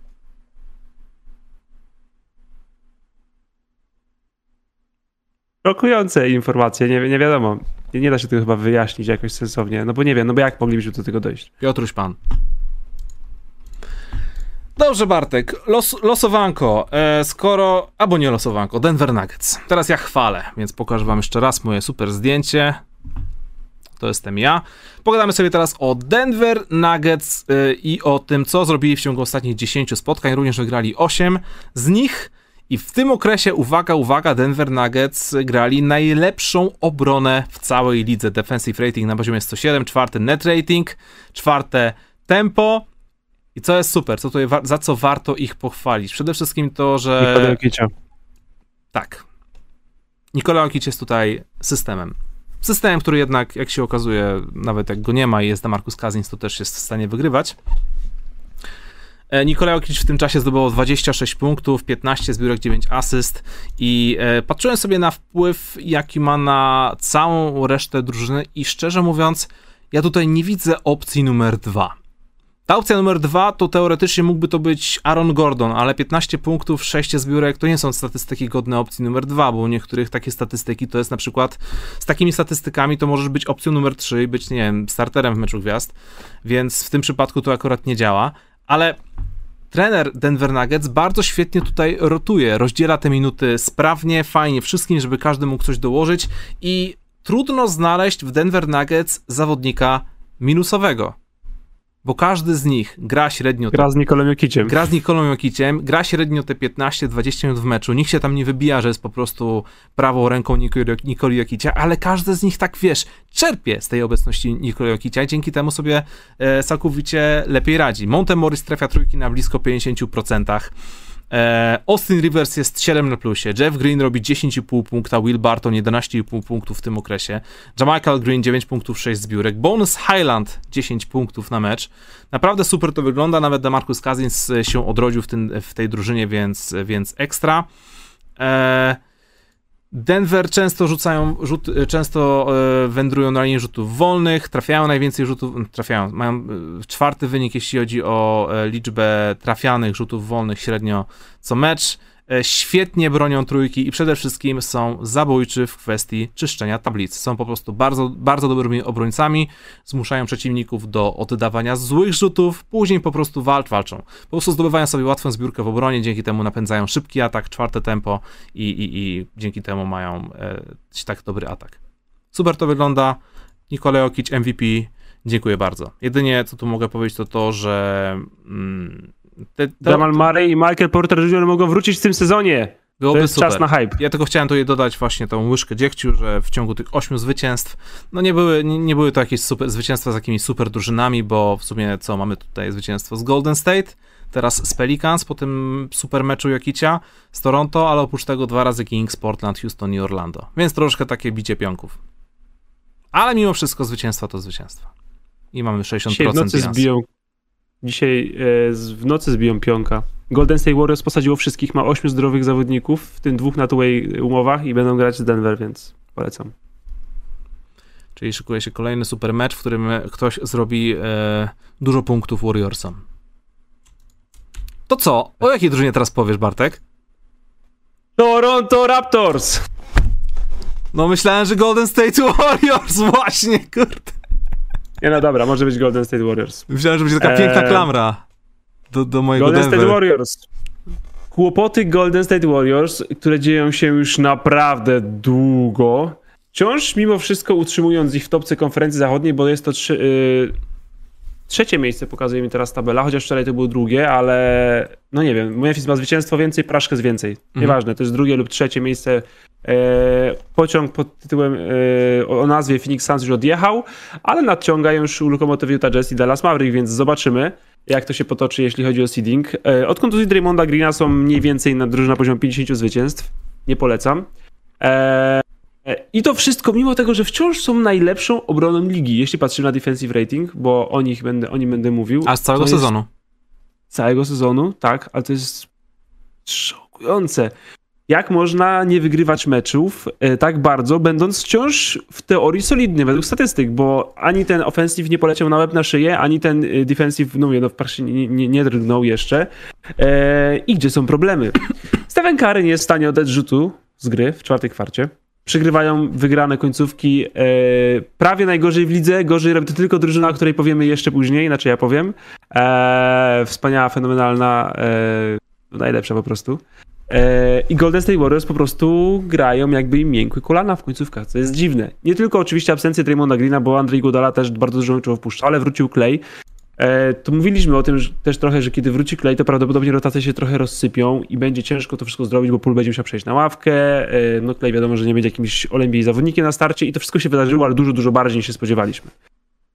Innych optymistycznych wieści James Wiseman e, nie jest wciąż bliski portu do zdrowia i według raportów prawdopodobnie nawet jeśli wróci, to i tak nie będzie odgrywał znaczącej roli w tej drużynie, czyli zostawiamy, zostawia nas to z Draymondem Greenem, który wróci wkrótce. Mhm.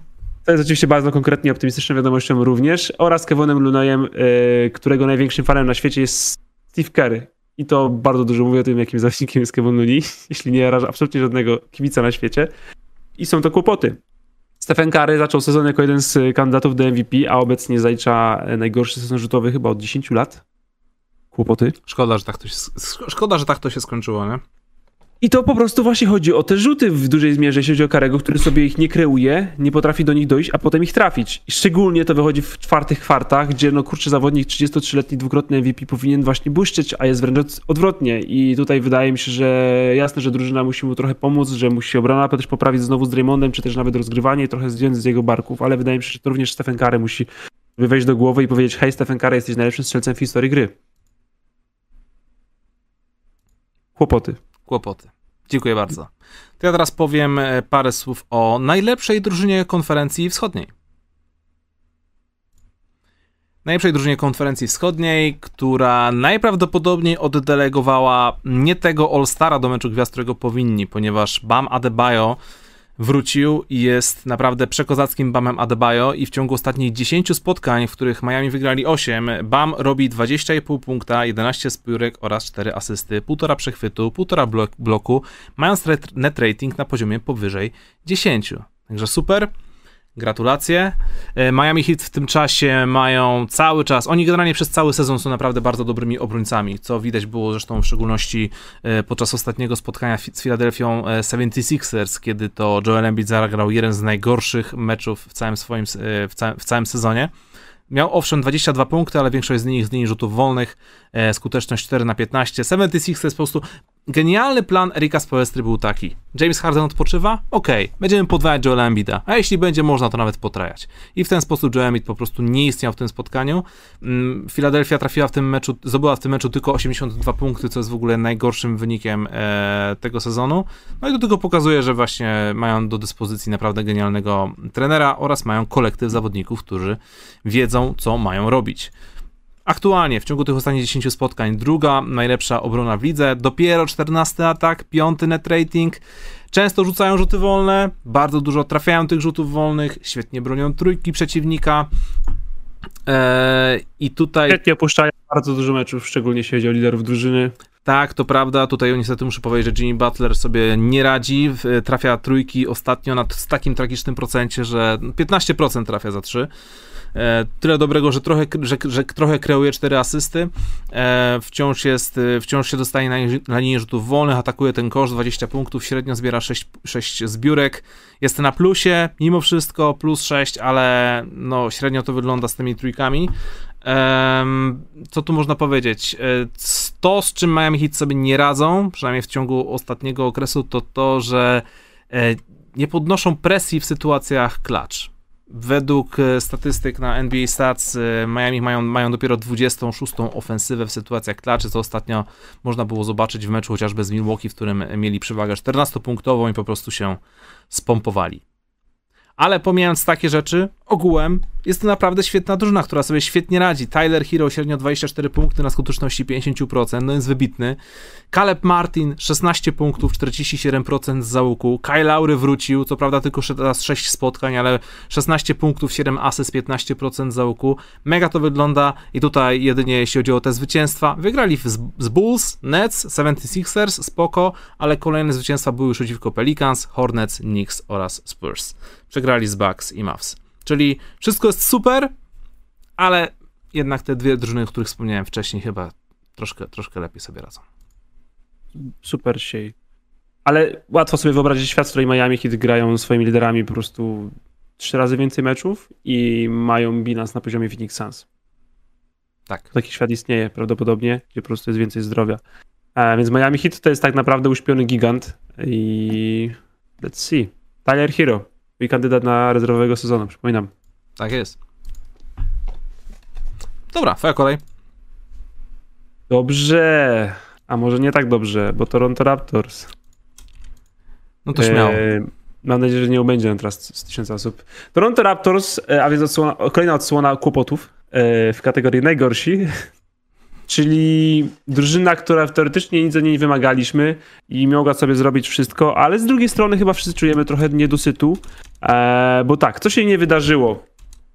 Miała się wydarzyć super obrona Toronto Raptors, czyli po prostu granie z nimi miało być męką, ta wielka armia ramion ludzi powyżej 2 centymetrów, 2 metrów wzrostu, e, niesamowity wingspan, switchowanie, zamęczanie przeciwników i problem w ataku. Problem w ataku się udało dowieść w tym sezonie. Niestety tej obrony nie, bo ta obrona jest po prostu przeciętna, jest 14, e, e, minimalnie lepsza od Minnesota Timberwolves, więc wiemy na jakim e, mniej więcej e, powiedzmy pułapie operujemy, a w ataku te problemy są rzeczywiście bardzo duże. Oczywiście też kontuzje nie pomagają, bo jest Jakam opuszcza początek sezonu, potem teraz Van Fleet opuszcza po swojej gorącej serii, e, OG też wpada i wypada e, i to wszystko, to wszystko oczywiście wychodzi.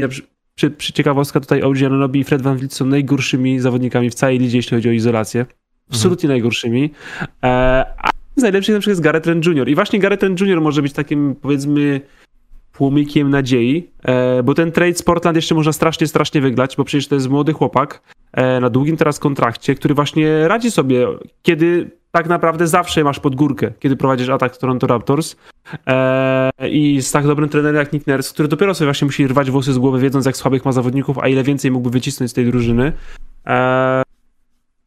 Po prostu robi co może, ale to jest, to jest za mało. Tam po prostu brakuje pierwszej i drugiej opcji najprawdopodobniej. Ten atak to jest po prostu męka do oglądania i męka dla nich dla grania, a ta obrona, jak mówiłem, z powodu też absencji e, się nie wydarza aż taka, jaka miała się wydarzyć i po tym, jak mieliśmy ich tak fajnie na fali wznoszącej, kiedy byli zdrowi i wygrywali, bo właśnie oni wygrywali chwilę, kiedy byli zdrowi, ale to jak są wszyscy zdrowi, to wiesz, to, to każdy wygrywa, jest wszyscy są zdrowi, to znowu jesteśmy w okolicach play-in, powiedzmy w trochę lepszej sytuacji niż Atlanta czy Brooklyn, ale nie jakoś bardzo. E, I to wszystko jest o serię 3-4 porażek z rzędu, o, o, o, spadnięcie w tej, w, tej, w tej rywalizacji, ale też nie oszukujmy się, nie ma tej widoków na jakąkolwiek niespodziankę w pierwszej rundzie. Dziękuję.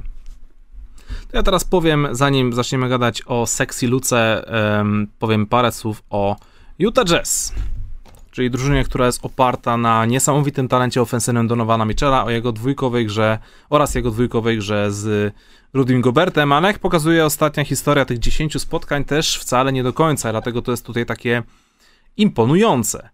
E, jeśli chodzi o takie statystyki zaawansowane, ósmy atak, dziesiąta obrona, jeśli chodzi o ostatnie 10 spotkań, e, to z czym akurat Utah Jazz sobie świetnie radzą, to przede wszystkim te zbiórki, które nabija im Rudy Gobert oraz to, że świetnie kryją też trójki przeciwników. Oddają masę prób z załuku. Ponad 40, ponad 42 trójki na mecz oddawali w ciągu ostatnich 10 spotkań, co jest w ogóle najlepszym wynikiem e, spośród wszystkich drużyn, ale trafiali te trójki, 36% skuteczności. To jest szanujący się wynik, więc w ten sposób można, można zdobywać masę punktów. Świetnie zbierają, świetnie sprawiają, że przeciwnicy nie zbierają, no bo jest Rudy Gobert. Um, tylko, że tak, Donovan Mitchell, owszem, trzeba pochwalić, 27 punktów, trochę mu skuteczność spadła, ale poza tym jest wciąż zawodnikiem plusowym. Rudy Gobert, 14 punktów, 14 zbiórek, ale jest zawodnikiem minusowym i uwaga, tutaj w roli takiego drobnego wybawiciela, nie sądziłem, że kiedykolwiek powiem to zdanie na głos, Hassan Whiteside, Hassan Whiteside okazał się tutaj świetnym zmiennikiem dla, dla Goberta, tym bardziej biorąc, biorąc, pod uwagę to, że Rudy Gay e, ma problemy z kolanem i tam był chory przez jakiś czas. Hassan Whiteside 7 punktów, 10 zbiórek, 2 bloki średnio co mecz, zagrał we wszystkich 10 spotkaniach i był zawodnikiem na plusie, plus 10. Hassan Whiteside w roku 2022. Więc naprawdę bardzo fajnie, bo Jana Bogdanowicza trzeba pochwalić. E, trafił w jednym ze spotkań przeciwko Oklahomie 11 trójek, łącznie 35 punktów, łącznie zaliczał w tym okresie 10 spotkań 17,5 punkta. Daniel House Jr. robi swoje, Royce O'Neal, Jordan Clarkson, chociaż troszkę mu skuteczność spadła. E, świetnie to wygląda i co najważniejsze, to jest po prostu najważniejsza rzecz. Utah Jazz wygrali w tym okresie z Golden State Warriors, Dallas Mavericks oraz Phoenix Suns. Czyli troszkę jakby zdali taki egzamin wstępny na temat tego, czy będą radzić sobie w playoffach, bo prędzej czy później spotkają się z którąś z tych drużyn. Tyle ode mnie. Nuda. No wiem, dlatego nie gadałem zbyt dużo, bo to Utah Jazz, ale mimo wszystko to jest imponujące, jakby spojrzeć na to, że tak sobie radzili pod. Y, no, Rudy Gobert nie zagrał w trzech spotkaniach, nie mają geja. E, I Hassan Whiteside robi prawie. Miał przyjść Rudy Gay, kurde, mieć dać tą, te, te small ballowe line-upy, ale się to kompletnie nie wydarzyło. Rick Pascal nie jest tak dobry i szkoda, bo po prostu kolejny sezon Utah Jazz nie mają nic innego niż mieli i liczymy, że nagle się uda to, co się nie udawało przez wszystkie poprzednie lata. Tak jest. Donovan Mitchell wie, że ja ci kibicuję bardzo szczerze. Dobrze, więc może zejdźmy jeszcze niżej niż byliśmy, bo mhm. uwierzcie, że e, Brooklyn Nets, Golden Warriors i Toronto Raptors były w obszarach przeciętności lub mizerii, to teraz schodzimy. Nie mogę na tego. Trzy poziomy co najmniej. Przepraszam, nie mogę na to zdjęcie patrzeć, jest cudowne. Sorry, mów. No. Los Angeles Lakers, czyli prostu Cats NBA. Rant Bartka na Los Angeles Lakers. Serduszka na czacie. Albo czaszki na czacie, nie wiem co wolicie, co jest bardziej jest tutaj prawidłowe. Tak, serduszkujcie, bo w ogóle mało jest serduszek. Yy, narzekacie, że to rzadko się to dzieje, więc będzie się działo teraz. Los Angeles Lakers, 3-7 w ostatnich 10 meczach. Absolutna bieda, po prostu drużyna poniżej przeciętna we wszystkim, co robi. 24 e, atak, 17 obrona. Yy. A, męka. Zawodnik, drużyna, której drugim najlepszym zawodnikiem jest nie wiadomo kto. I za często i, zbyt źle od, odpowiedź na to pytanie świadczy, że kiedy zadajesz sobie te pytania na głos i pozwalasz myślom płynąć dłużej niż półtorej sekundy, to przez to głowę przejdzie ci nazwisko Austina Reevesa. To nie jest prawda, ale jeśli to nazwisko masz w głowie, a to jest biały ruki, który jest za mały i nie wiadomo w ogóle, czy powinien grać w NBA, to bardzo źle dzieje się w twojej drużynie. Antony Davis to jest w ogóle... Nie ma tego sezonu Antonego Davisa, nie ma Antonego Davisa w tym sezonie, więc go nawet nie liczę. Los Angeles Lakers, którzy e, pięknie prowadzą e, historię e, small ballu, zaczęto przez Golden State Warriors i udaje im się grać small ball ze small forwardem na centrze, który nie ma spacingu. Rewelacja, polecam po prostu, bo muszą, żeby istnieć z LeBronem na centrze, grać takim zawodnikiem jak Stanley Johnson, który niedużo umie, jak Austin Reeves, który umie jeszcze mniej, ale jest trochę młodszy, mhm. jak Avery Bradley, który już ledwo pamięta, co umiał, umiał. kiedyś, oraz Russell Westbrook, który jest jedną z najbardziej przykrych yy, historii tego sezonu. Najlepsza piątka Lakersów, to powiedziałem, Westbrook, James, Avery Bradley, e, Stanley Johnson oraz Malik Monk. E, jedna iskierka, Malik Monk, wielki, wspaniały zawodnik. Może on jest drugi najlepszy zawodnik tej drużyny, może nie jest. Who knows and who cares? Kto to wie? Prawda? Nie wiadomo. Eee, I ten biedny Russell Westbrook, którym któremu dawaliśmy trochę kredytu zaufania latem i miał mieć dużo opcji bycia przydatnym, sensownym zawodnikiem, nie jest w ogóle nigdy nim praktycznie. Wygląda jakby się w ogóle już wypisał z tego sezonu, jakby już czekał aż skończy się turnus, przyjadą po niego rodzice, będziemy wrócić do domu pograć sobie w Metina w nocy i już się za bardzo nie przejmować, bo na tym obozie miało być fajnie, ale mu się w ogóle nie podoba, jedzenie jest niedobre i tak naprawdę trochę się z niego śmieją koledzy, ale nie wprost i nawet się nie może poskarżyć. Mhm. Jest tragicznie, tragicznie po prostu. Russell Westbrook wygląda jak. Znaczy, zawsze o tym myśleliśmy, że jak ktoś się zacznie starzeć okropnie, to będzie Russell Westbrook i wszyscy mieliśmy rację.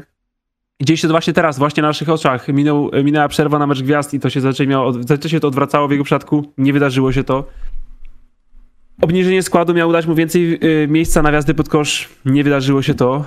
Y, nie ma tego, nie ma takiego atletyzmu, nie ma takiego zacięcia. Widać, że nie ma po prostu takiej wiary w siebie, takiej chęci, żeby tam po prostu pójść, wziąć i wiesz, urwać tą obręcz mm. zębami, jak to Russell Westbrook robił wszystkie lata swojej kariery i chociaż na tą odrobinę tego hype'u, ekscytacji można było liczyć, nie ma tego, nie ma tego w ogóle po prostu i tylko ten biedny LeBron James, który... Właśnie tak zastanawiam, czy najlepszym sukcesem tego sezonu Los Angeles Lakers nie będzie po prostu, kiedy LeBron zostanie królem strzelców? Nie, przepraszam, czytałem, czy, czytałem czat, yy, że co, królem strzelców LeBron zostanie? Czy największym sukcesem tego sezonu Los Angeles Lakers nie będzie to, jeśli LeBron James zostanie królem strzelców? No, no wydaje mi się, że na ten moment przynajmniej to jest chyba jedyna pozytywna wiadomość z ich obozu. Że nadal tragedia. Zachęcam do więcej, większej ilości nepotyzmu w menedżmencie. Zachęcam do przywrócenia Phila Jacksona e, do managementu. Zachęcam do najlepiej wymiany trenera, bo to zmieni też absolutnie nic. Yy, oraz kiedy znowu Tyron będzie chciał u was pracować, dać mu dłuższy kontrakt i więcej pieniędzy, bo dobrym trenerem. Pozdrawiam. Okay. Świetnie zmarnowany rok LeBrona Jamesa. Dziękuję. E, a czy chcesz powiedzieć jakiekolwiek dobre słowo do LeBrona? Bo powiem ci szczerze, ja mam cały czas taki problem. Ja wiem, że Facebook to jest generalnie e, siedlisko sytuacji, w których można bardzo łatwo kogoś oczernić, bo napisanie posta zajmuje z reguły 5 sekund, myślenie zajmuje troszkę dłużej. Ale zauważyłem ostatnio coś takiego, że kiedy zamieszczam post, w którym e, Lakersi są, e, sobie nie radzą, to lepiej nie wchodzić w sekcję komentarzy. Bo tyle nienawiści i wytykania palcami to już dawno nie widziałem ale później na przykład zamieszczam posta, że LeBron James zrobił 56 punktów i ten post ma ponad 1000 lajków, ludzie serduszkują, mówią, że król wrócił, jest super i tak sobie myślę, może po prostu to jest taka polaryzacja, może to nie jest tak, że LeBron ma samych haterów, tylko po prostu jego e, popularność, jego wielkość jest tak ogromna, że jak jest dobrze, to będzie tysiąc osób, które go pochwali, a jak jest źle, to będzie tysiąc osób, które go zhejtuje.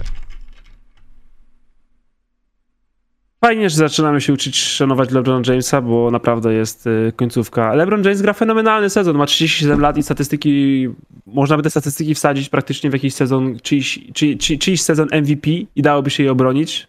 No ale wiadomo, że jakby to już nie jest ten zawodnik i drużyna nie jest w żadnym miejscu, więc, y, więc po prostu robi co może. Oby mu się nic strasznego nie stało. Bo jeśli jest tak dobry teraz, no. to może i za rok by miał szansę coś z tym zrobić, jeśli, jeśli Davis będzie zdrowy, wytransferujemy Russella Westbrooka, uda nam się trzymać Malika Monka oraz Kendrick Nunn wróci do formy i jeszcze użyjemy znowu mi level exception. Świetny plan. Eee, bo LeBron James jest aż tak dobry. Okej, okay. to ja teraz przejdę do Dallas Mavericks, którzy po cichu również są taką bardzo pozytywną historią tego roku po raczej średni, średnim początku tego sezonu. Moi drodzy, Dallas Mavericks e, to profesjonalna drużyna koszykówki prowadzona przez potężnego Słoweńca Lukę Doncicia, który w ciągu ostatnich 10 meczów Zrobił średnio 36 punktów, 10 zbiórek, 7 asyst, przechwyt, blok, trafiając na skuteczności 47% oraz na skuteczności za 3 w wysokości 41%. Co jest bardzo dobrym wynikiem, mówiąc, biorąc pod uwagę, że to jest Luka Doncic i u niego z tym rzucaniem których bywa różnie, przypomnijcie sobie, jak to wyglądało na początku sezonu. Dallas w tym okresie mają, mają czwarty, czwarty najlepszy atak, szósty net rating oraz przede wszystkim mają, są pierwsi, jeśli chodzi o skuteczność, o true shooting, o effective field goal, trafiają trójki na skuteczności 41%, w ogóle trafiają najwięcej trójek w całym NBA, jeśli chodzi o tą, um, jeśli chodzi o tylko o tą listę ostatnich 10 spotkań, popełniają bardzo mało strat. Zaledwie szósty wynik e, w NBA, co jest też niesamowite, biorąc pod uwagę to, że drużyna jest prowadzona przez Lukę Doncicia, więc no generalnie miał problemy i ma cały czas problemy ze stratami, ale jako drużyna popełniała ich bardzo mało. Trzeba bardzo tutaj pochwalić takich gości jak, nie chcę mówić kluczowy zawodnik, bo to jest Luka Doncic, ale jest to człowiek, który, bez którego ta drużyna sobie po prostu nie poradziła. Dorian Finney-Smith jest zawsze wszędzie tam, gdzie muszą dziać się dobre rzeczy.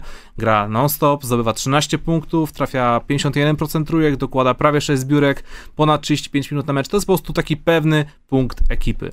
Jalen Branson w ciągu ostatnich 10 meczów 17 punktów, 4,5 zbiórki, jest na plusie 5-3, trafia trójki na 56%.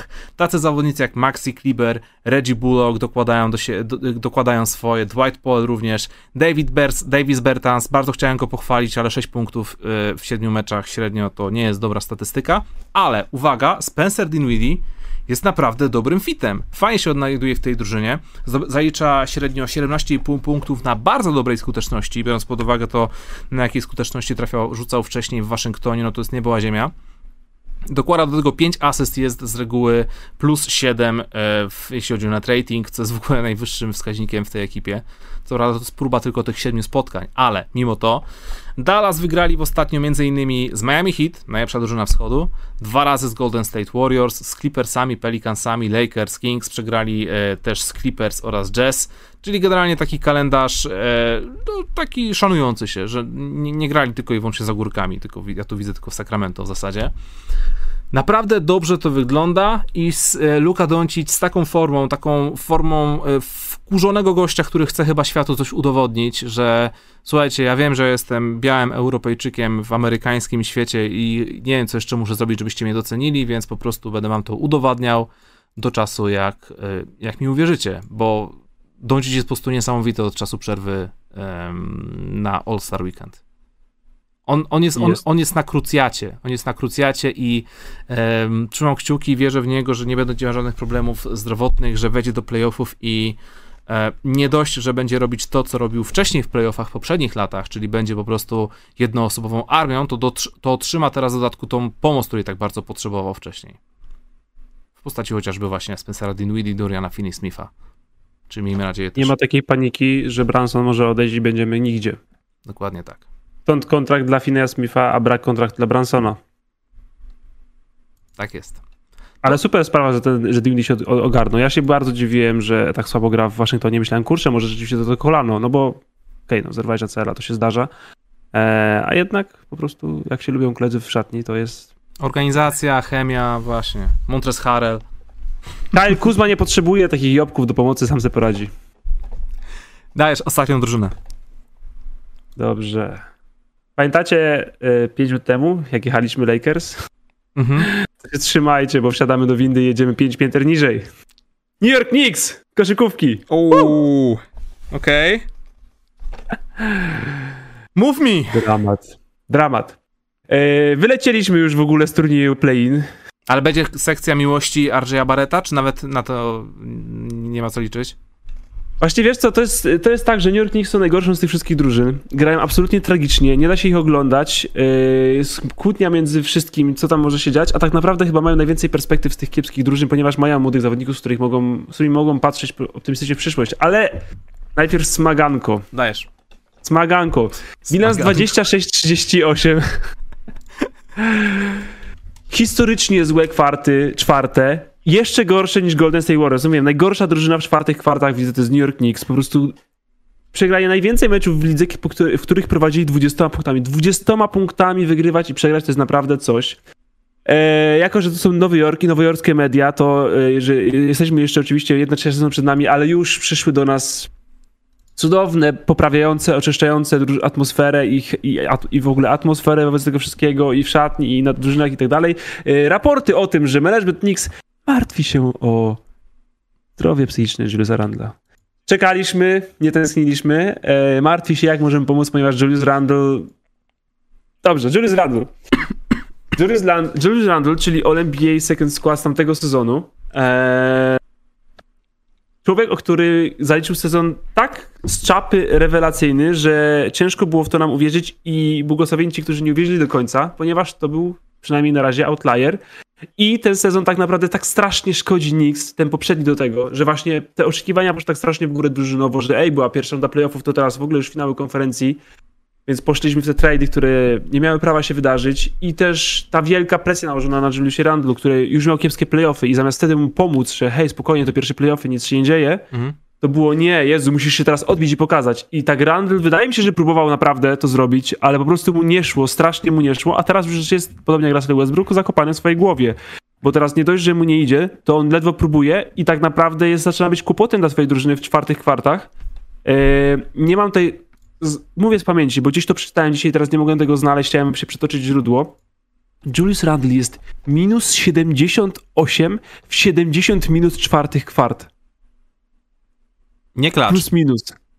Plus minus w czwartych kwartach. To jest absurdalny stat, bo to nie jest tak, że Julius Randle nagle gra jakiś sezon na, nie wiem, 8 punktów. No. To nie jest tak, on nie jest aż taki fatalny, no po prostu jest dużo gorszy niż sezon temu, ale obecny sezon to jest prawie 20 punktów na mecz. No to jest to prawda 40% z gry, no ale okej, okay. 10 zbiórek, 5 asyst. Jest tak fatalnie okropny w czwartych kwartach, że naprawdę czasem lepiej jak wylatuje z boiska, chociaż ostatnio jak wyleciał to było jeszcze gorzej bez niego niż było z nim, a było tragicznie z nim. Bo ta drużyna, co powiedzieliśmy sobie latem, nie dała sobie szansy mieć sens, ponieważ kiedy masz defensywnie, konserwatywnie nastawionego, nastawionego, nastawionego trenera i mówisz mu, hej, wymieniliśmy dwóch twoich obwodowych najlepszych obrońców na Kemba Walkera. Kemba, chodź, zapraszam. O, potknąłeś. Nie, no chodź, chodź, chodź. Aj, dobra, no może nie wstawaj, dobra, rzeczywiście. To jest Kemba Walker, on będzie zdrowy, te kolana nie są takie złe. Oraz Ewana Forniera, nie googlujcie go, on też yy, da sobie świetnie radę. Tu ci coś spadło, Ewan, dobra, nie schylaj się, nieważne. Yy, nie zdążyłeś, już, już to podnieśli inni. Już ci to, Reggie Bullock już to podniósł pięć razy w tamtym roku, jak to prezentowaliśmy. E, proszę bardzo, to jest twój backcourt, zapraszam, brońmy. Świetna pomoc, naprawdę, do tego, że twoi centrzy są łamliwi. To okej, okay, to jest może pech, ale i Noel i Mitchell Robinson opuścili masę meczów w tym sezonie, więc zero stabilizacji. A na dokładkę Tomowi Thibodeau mówisz, sprowadzamy cię Kamardisza, oddajemy za niego pierwszy rundowy pik, więc y, oto presja, graj nim, a on nie, nie lubię go. Czy ty przed, nie zagram. Czy ty przed chwilą parodywałeś Cejrowskiego?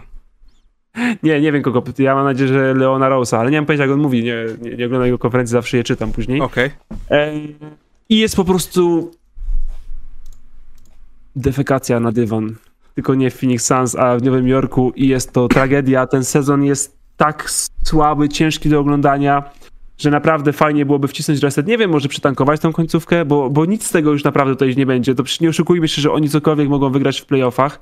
Ten kontrakt dla Randla, który nie był maksymalny, wyglądał nieźle, na razie wygląda bardzo słabo, ale ten zawodnik tam jest wciąż. Może nie aż taki dobry jak, jak, jak tamty sezonie, ale nie aż tak zły jak teraz. Ja trzeba po prostu może pomóc, może trzeba go chwilę posadzić, może jest coś zdrowotnego, czego nie wiemy, nie wiem, ale coś jest bardzo, bardzo, bardzo, bardzo, bardzo nie tak, bo ten gość nie jest tak zły, kurczę, w Lakersach był lepszy. Kiedy grał cieniem wszystkiego, co tam grało. Jeśli... Z Ryanem Kellim. To nie Jeśli przytank... Tak, pamiętam. Cudowne czasy. I Tarikiem Blackiem. Czy to... Nie, tam był Tarik Black? Był. E, ten. Marcelo jeśli, przy... Ryan Kelly. jeśli przytankują, to może Cam Reddish w końcu dostanie minutę i trochę szacunku. A właśnie, bo, znaczy wiesz co, właściwie nie granie Cam Reddish jest teraz tankowaniem, bo on gra całkiem nieźle. I dobrze, i teraz tak, tylko, ten... że on, tylko, że on ma taki zryw, że robi jakieś dwie, trzy, cztery fajne rzeczy na boisku, jest w gazie i po czym nagle schodzi z boiska.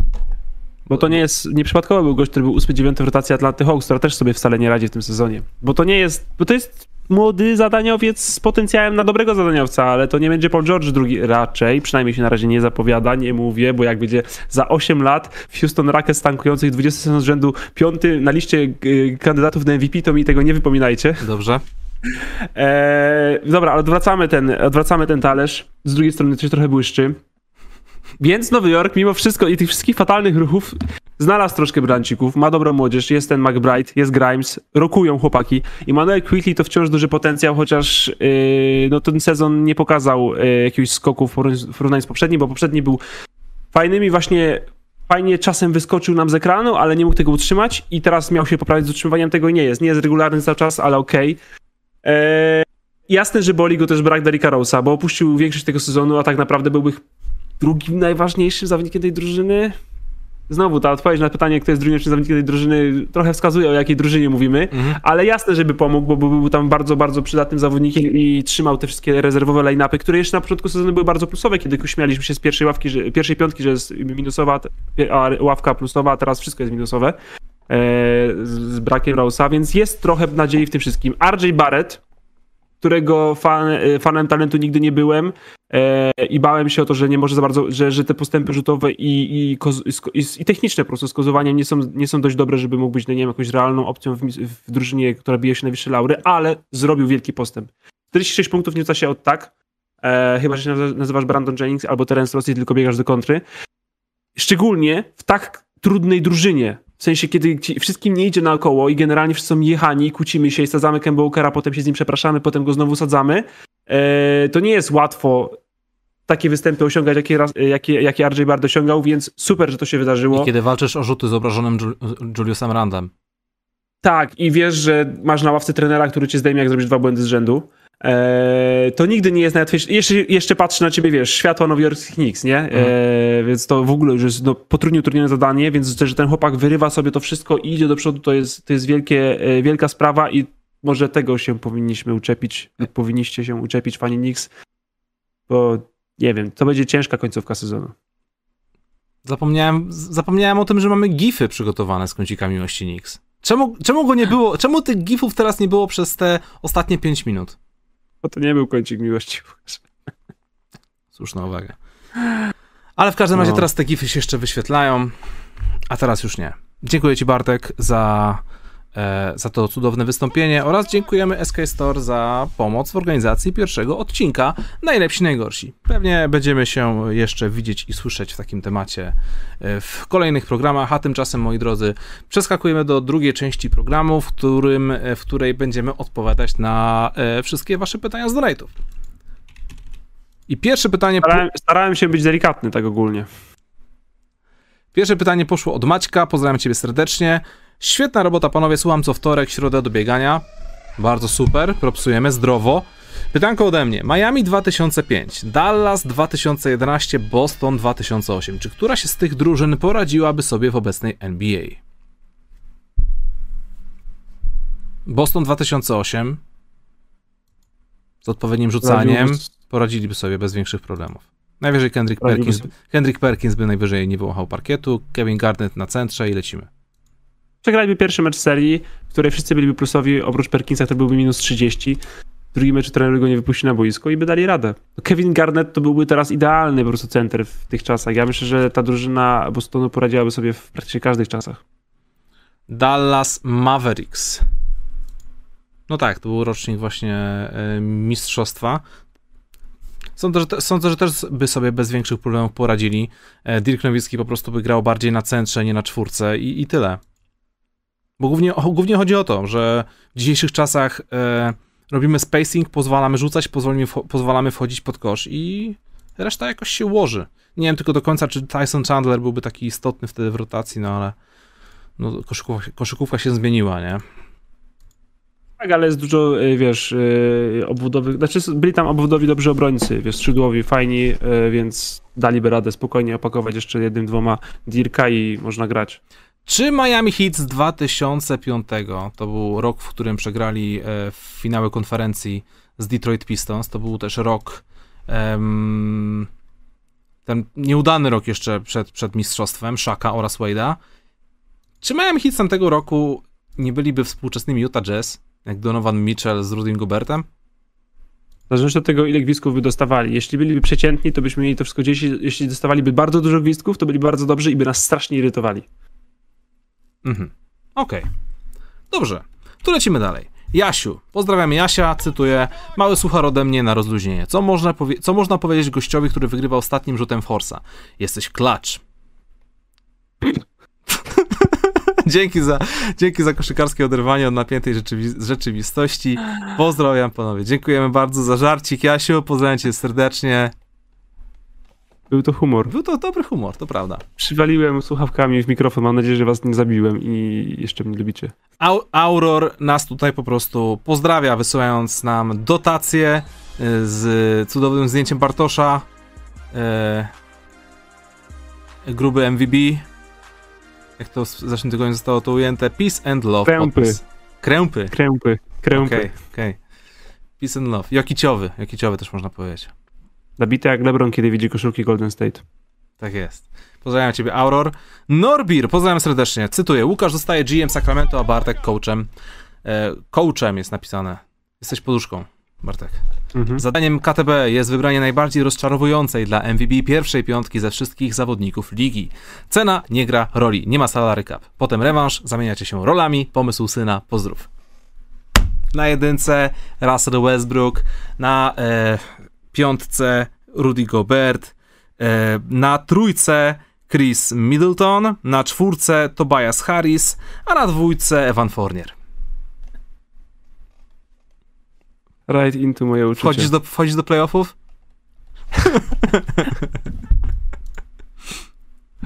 O Jezu. Ja mam ci wybierać najbardziej rozczarowującą cię piątkę. Mhm. Hmm. A ty jesteś zawsze za miły. No właśnie, ja jestem pozytywnie nastawiony, no. A, ty jesteś... Ale mogą się dublować postacie, jakby co. Mogą się dodawać postacie? Oczywiście. Bo dasz bardziej rozczarowującą jedynkę niż Russell Westbrook? Wziąłbym ci e, Rudiego Goberta. Eee, Ja nie jestem rozczarowany. Dobrze. Dobrze, dobrze, dobrze, dobrze. Eee, nie, wezmę ci Kemba Walkera, Mhm. żeby ci było łatwiej. Eee, na dwójce... Kurczę. To jest trudne pytanie. Musisz kogoś pocisnąć, Łukasz, zdrowo, żebym... Dam ci Kristapsa Porzingisa, ale to kurde, twoja piątka nie zagra nawet w meczu razem. A dopiero mam dwóch. Dobra, Dobra. nie wiem, Patryka Beverleya chcesz mi dać? O, Patryka Verleya mógł ci dać. Andrew, Strasznie Andrew Wigginsa może mi dać. Nie, nie dam ci. 14 punktów w E. lutym zdobywał. Średnio. Super wynik. Jest mi przykro, że się tak męczę z tym pytaniem. Możemy lecieć dalej. Wy- Wymyślimy to Chodźmy kiedy indziej. dalej, no. Tom Little Butcher. Little Butcher, przepraszam, angielski, pozdrawiam. Cześć panowie, dzisiaj dla odmiany pytania na poważnie. Jak odnosicie się, odnosicie się do plotek, jakoby koncern Apple miał wykupić halę Miami Heat i zmienić jej nazwę na Mac Arena? Szczerze mówiąc, nie słyszałem tej plotki, tudzież po prostu doniesień, nie śledziłem tego tematu, ale domyślam się, jaki utwór e, byłby tam często uruchamiany na rozgrzewce. Byłby to humorek dla, dla, dla nas wszystkich w Europie na pewno. Tak. W hit w końcu, nie? Elegancki. Hit. Miami Heat. Jezus, ale dużo słabego żartu. Strasznie, lecimy dalej. E, Pak Futin Stop War puścił nam tutaj donate na temat e, naszego ostatniego sponsora, który nie jest dzisiejszym sponsorem, ponieważ dzisiaj jest z nami SK Store. E, w wielkim skrócie zobaczymy, jak to się wszystko dalej potoczy i trzymamy kciuki, że będzie dobrze i właściwe decyzje zostaną podjęte. Dalej, Jordan the GOAT, pozdrawiamy. Siema panowie, taki challenge, łóżcie piątkę, która w tym sezonie awansowałaby bezpośrednio do playoffów z graczy, którzy nie są pierwszą, drugą ani trzecią opcją w swoich zespołach. O kurczę, to teraz zróbmy taką listę. Premia, załóżmy, że wszyscy są zdrowi, na przykład Zion, Kawhi, Murray. Pozdro dla was. Nie, nie, nie możemy brać byłych All-Starów. Musimy zrobić cudowną piątkę zadaniowców. Cudowną piątkę zadaniowców. Tak. Okej, Pierwszą, drugą, trzecią. Bierzemy Mikala Bridgesa, czy bierzemy DeAndre Aytona? Mikala Bridgesa. Mikala Bridgesa bierzemy. Bierzemy Super. D'Antony Melton. Mm. A Kto jest trzecią opcją? Dobra, wylatuje nam Morant, Brooks i JJJ. Mhm. A, A Steven Adams. myślimy, no właśnie o Stevenie Adamsie myślałem, że może by go wziąć na centrze. Okej. Fajnie. Eee, w Dallas, czy pierwszymi trzema opcjami jest... Nie no, w Dallas Doncic? Da- y, Branson y, i teraz jest Dinwiddie i Dorian Finney-Smith. No to co, Doriana Okej. byśmy wzięli? Eee, znaczy, jeśli możemy wziąć Smitha, to tak, ale ja myślałem, że nawet nie możemy go wziąć, i, ale jeśli możemy, to wybierzmy go, jeśli nie, to bierzemy Klibera. I to i to brzmi spoko. Ale ja bym wziął Okej. jednak Finney- Finney-Smitha tutaj. Finney Smith. Mhm. Dobra, to mamy Finney Smitha, Michaela Bridgesa i Stevena Adamsa. Źle. Nieźle. Eee, Czekaj, kto, kto był mi pierwszy? się. Przypomnij? Już zapomniałem. Eee, Finney Smith? Michael Bridges. Michael Bridges, Finney-Smith, Steven... A, ej, potrzebujemy jakiegoś kreatora. Czekaj, czekaj, czekaj, czekaj. A... Cameron Payne? Cameron Payne, nie, nie, nie. Nie, nie, nie, nie. Czy Tyler Hero jest w top 3 opcji Miami Heat? O, jest, jest, jest. Czy Tobias Harris jest miażdżącą trzecią opcją, a Tyrese Maxi możemy go wziąć? Błagam. Dobrze, może być. O, to będzie Tyrese Maxeya, ponieważ Trochę- Tobias Harris jest trzecią opcją. Trochę naciągane, ale niech będzie, bo niestety Tyrese Maxi jest trzecią opcją, ale dobra. Mm, no i dobra. No i fajnie. I tak z głowy, bez patrzenia w statystyki. Maxi, Bridges, Finney Smith, Kliba, Steven Adams. Okej, niech będzie. Pozdrawiam serdecznie. Wymieńmy Stevena Adamsa na Onikę Okongu. No dobra, okej. Dziękuję. E, no to co, pozdrawiamy Jorans Go, dobre pytanko jak co tydzień. Trevor Waliza, siema miglance, co przygryzł Anderson podczas pocałunku z Mingiem? Warę jao. ja pieprzę! Typie, tak nie wolno! Jak to jest głupie! Głupie, ale się śmiejesz. No, dzięki, dobry żarcik, dobry. A teraz pytanie. Sześć ekip nigdy nie dotarło do finałów NBA. Które z nich w najbliższych pięciu latach wypiszą się z tego grona? Pozdrawiam z Rudy Śląskiej, Torsida NBA. Kurczę, nie pamiętam Ja- kto, ja nie, nie pamiętam, które drużyny e, nie zdobyły nigdy misia. E, nie były w finale, czy nie, nie zdobyły mistrzostwa? E, czekaj. Nie dotarły do finałów. Okej, to ja to szybko googluję. Okej? E, e, może się uda jakoś to znaleźć. E, dobrze, mamy to.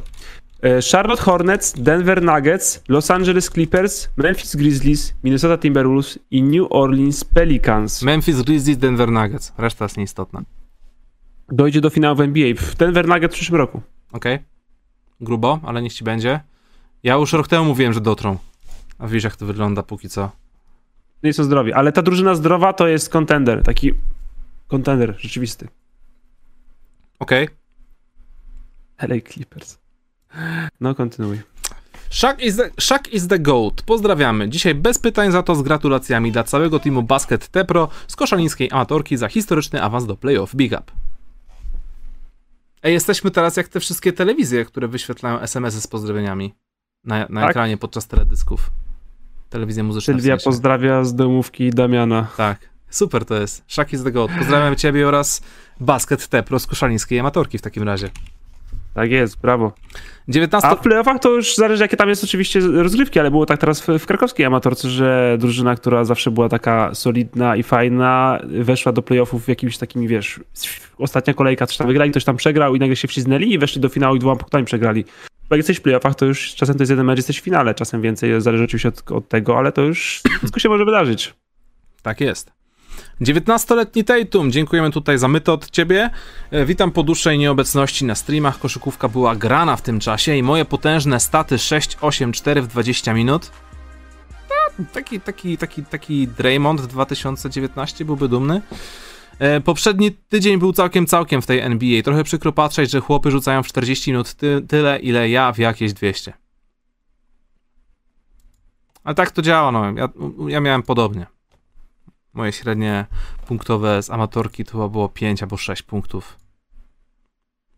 So, tak to jest. Ja sprawdzę aż teraz, czy yy, już sprawdzać, czy nie sprawdzać. Dobra, sprawdzę.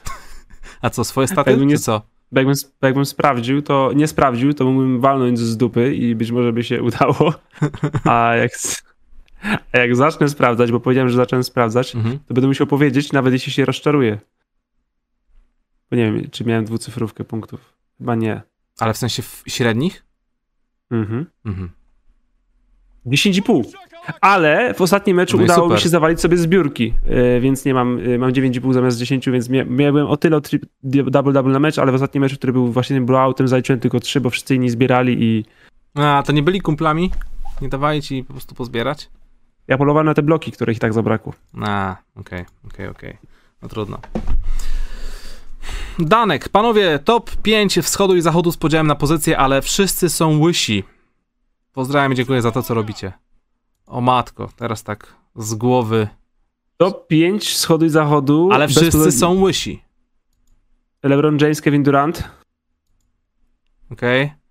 Kłopotliwe linie włosów już są, zdecydowanie. Chris Paul, e, to już linia włosów to już jest tylko, tylko smutne wspomnienie. Ej, ja, mam- ja mam Eee. problem z wizualizacją teraz tych wszystkich najlepszych graczy, który jest łysy, kto nie. LeBron James jest aktualnie łysy, czy ma ten myszek swój śmieszny na głowie? No, praktycznie jest, no nie ma co się, wiesz... Tam, nie, Nikolaj Jokic jest teraz łysy. On... Tak, e, Andrzej Godala, e, wymieniam tylko najstarszych, patrzę na dziadów, nie? Aha. E, Kto tu nie ma włosów. PJ Tucker jest łysy jak kolano, Tash Gibson jest łysy jak kolano. Rudy Gobert? O, Rudy Gobert, tak jest. A... Hmm. Przykro. Szkoda, szkoda, że nie da się posortować na NBA.com statystyk po linii włosów. Powinno się dać. Zapiszmy to sobie. do- Zapi zapisujemy to do kajetu. do e, gatunku- komisarzowi napiszę od razu. Ważne tematy, które nie zostały rozwikłane. Tak. Danych, pozdrawiam serdecznie Ciebie. Chris Paul George, pozdrawiamy Ciebie również. Witam, mam trzy ekspresowe pytania z kategorii tak nie. Raz, czy zdrowi Celtics w tym sezonie dojdą do finału konferencji? Powiem Ci, że dwa miesiące temu być może byśmy się nawet zaśmiali przy tym pytaniu. Ale w tym przypadku, patrząc na to, co robią Boston Celtics w całym roku 2022, oni teraz wyglądają jak kontender. I nie wiem, na ile jest to e, po prostu wpływ flow, na ile mindset Jasona Tatuma, na ile obecność kurczę Ala Horforda, ale to naprawdę działa, śmiga, wszystko jest super i nie wiem, no, może troszkę jestem na fali hypu, ale to nie trwa tydzień, to trwa dwa miesiące i postawiłbym Boston wyżej niż, niż nie wiem, niż Miami, niż Brooklyn nawet. Świetnie ci Łukasz poszło ekspresowe pytanie z kategorii tak nie. Dzięki. Dzięki, no. E, Tak czy nie? Jeśli mam do wyboru tylko tak i nie, to mówię nie, ale wolałbym powiedzieć nie wiem. Czy Chris Paul to top... Widzicie fani Bostonu, jaki jestem zajarany? Ukryta opcja. No, zielona bluza.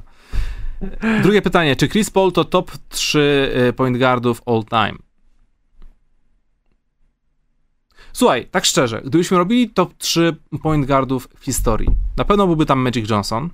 Nie wiem, czy ty byś No. był, nie wiem, czy ty się pod tym podpisujesz, y, czy Stephena Kerego byś tam dał, Dałbym tam. a na trzecim miejscu Isaiah Thomasa. Czy nie? Właśnie myślałem o Isaiah Tomasie, bo ma dwa tytuły. Tak. Dlatego ja nie myślałem o Johnie Stocktonie. To jest ważne. Y, Pomyślałem najpierw o Johnie Stocktonie, a potem sobie pomyślałem, Bartek, znowu to robisz, przestań się na to łapać. Okej. Trzy. E, znaczy, wiesz co, Stockton, w sensie, no dobra, może powinien być w tej dyskusji, ale... Ale, Ale masz tylko Chris trzy miejsca. Musi, no, Chris Paul musi wygrać tytuł, żeby być top 3 e, point guardem ever. No być może nawet dwa. No, Ciężko jest, ciężko jest, bo- cię- ale cię- bez jednego ciężko być w tej dyskusji po prostu. Tak, ale, Tak ale ciężko, ciężko byłoby to przebić, bo jednak e, no, ta trójka jest naprawdę. Nie dość, że są niesamowicie uta utalentowani indywidualni, robili naprawdę mnóstwo rzeczy z najwyższej półki, to w dodatku wygrywali mistrzostwa. Długowieczność To takich to nie wszystko. Fenomenalnych point guardów bez tytułu to mamy kilku. Mamy Nesha, mamy Ashton Stocktona, mamy jego, więc może jest najlepszy z nich, ale to jest wciąż. Jesteś najlepszy z tych, którzy nie wygrali tytułu. E, Jason Kidd prawie go powiedziałem, ale on, dobra, ma ten tytuł. Dobrze, dobrze sobie radzimy z tymi pytaniami, tak nie, muszę przyznać. Okej, trzecie No. pytanie. To, to już będzie tak naprawdę, tak nie. Czy Draymond Green to drugi najważniejszy zawodnik Warriors? Pozdrawiam. Owszem, Tak, dziękujemy. bez w ogóle dyskusji. Okej. Piecu, pozdrawiam serdecznie Pieca. Siemanko, mam pytanie o wasze ulubione what if w NBA. Moje to chyba co gdyby Timak został w Orlando i poczekał na Dwighta. Ciekawe. Jak wyglądają wasze? Dodatkowo, jak wyglądają według was szanse Bucks na mistrzostwo w tym roku? Go Janis, go Ukraina. Eee, mistrzostwa Milwaukee Bucks w tym roku cały czas są wysokie, bo po prostu są świetnie naoliwioną maszyną, ale troszkę się konkurencja porobiła. I nie, jakby doszło Tak długo jak Załóżmy, tak, ale za, jest załóżmy, wykluczone. załóżmy, że byłaby nawet powtórka finałów i znowu byśmy mieli Milwaukee z Phoenix Suns. Ale tym razem Phoenix Suns już są bardziej doświadczeni, zdrowi i w ogóle. Myślisz, że Janis znowu by ich zniszczył? Tak. Tak? Mimo wszystko. Ale, nie znaczy, że, ale to nie znaczy, że Milwaukee by wygrali, bo Phoenix Suns jest lepszy niż w tym sezonie. E, ale tak długo jak Giannis jest zdrowy, e, to Milwaukee może wygrać wszystko. Znowu. E, twoje ulubione what if w historii? Czy nie powiem, że ulubione, ale największe to Len Bias, a drugie to może ulubione, no to jest kradzież trade'u Chrisa Paula. Bo tak właśnie czułem, że powiesz o Chrisie Paulu Lakers. Serio, ja myślę o tym tak, nie wiem, z 20 razy w roku spokojnie. Kończę to frustracją, y, idę robić coś innego. I powtarzam to sobie regularnie. Ja zastanawiam się, e, co by się wydarzyło, gdyby w finałach z Toronto Raptors nie doszło do kontuzji Kleja i Kevina Duranta. To jest taka dość młoda, E, nie. dość młoda Tylko historia. i wyłącznie Kleja. Bo byliśmy w trakcie tego meczu, który Clay Thompson miał. Tak. Było widać, że on miał ten mecz. Po prostu to był taki Clay Thompson Game 6 z Oklahoma. On po prostu miał ten mecz. Czyli chodzi o, chodzi o historię what if, że Golden State wygrywają mistrzostwo ze zdrowym Klejem, Kevin Durant się łamie Bez i pokazuje, Duranta, że Duranta. mogą to zrobić bez Duranta. Tak, To jest tak. Tą historię. gruba historia To what jest if. motyw. Okej. No, Golden State Warriors wygrywający bez Duranta. I wtedy co on robi, no? Dobrze. Lecimy dalej. Karol na rowerze. Pozdrawiamy. Jedyny program, który regularnie lajkuje. Pytanko, jakie gry koszykarskie ciepło wspominacie? Dla mnie to NBA Live 99 na Playu 1 i 2004 na PC, choć dziś delikatnie mówiąc są niegrywalne, a ostatnio najczęściej gram w Playgrounda 2. Ulubioną grą to dla mnie zawsze od, od lat jest NBA 2K16. To jest chyba niedościgniony symulator y, koszykówki. E, jeśli chodzi o starocie, to pamiętam, że przyjemnie mi się grało w NBA w 2000 i w 2003, choć trochę tak bardziej arkadowo. A u ciebie jak, Bartek? Ja nie jestem bardzo koszykarski, jeśli chodzi o gry, więc zostawię to tobie jako ekspertowi.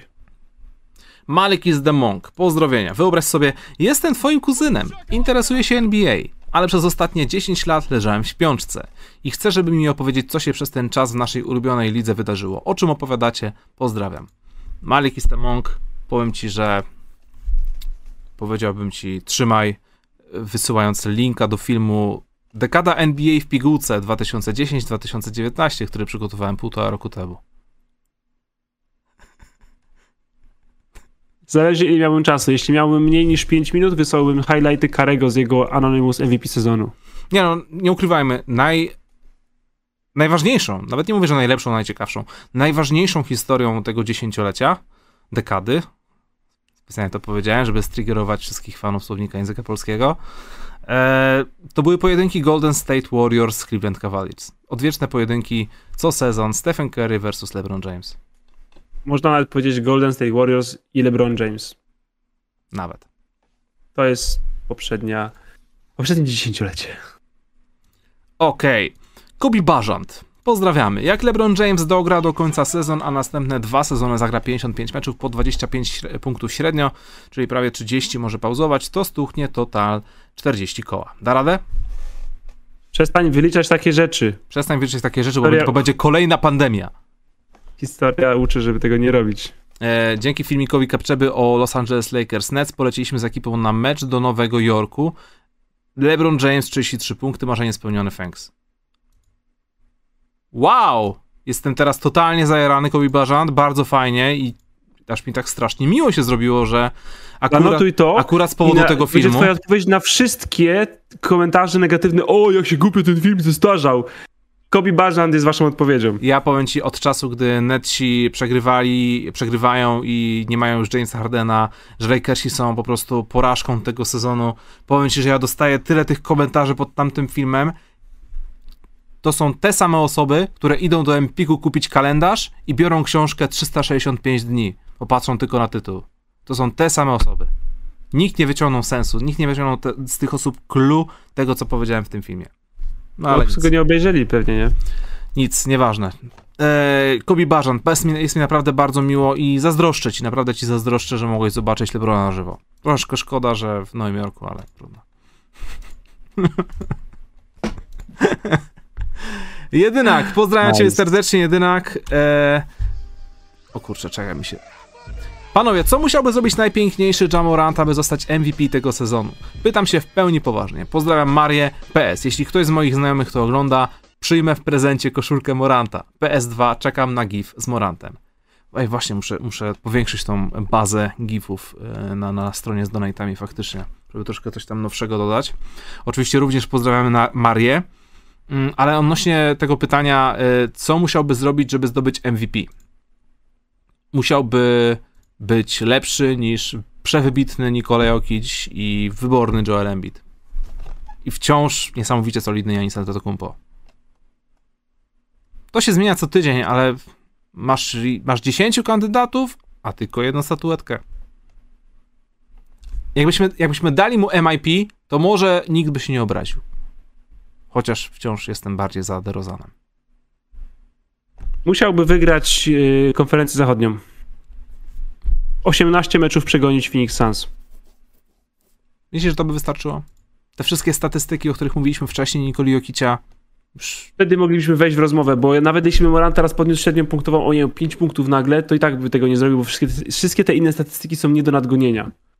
Więc musiałoby się, musiałoby się wydarzyć coś naprawdę znowu z kosmosu, bo Jokic i Embiid grają sezony z kosmosu. Mhm.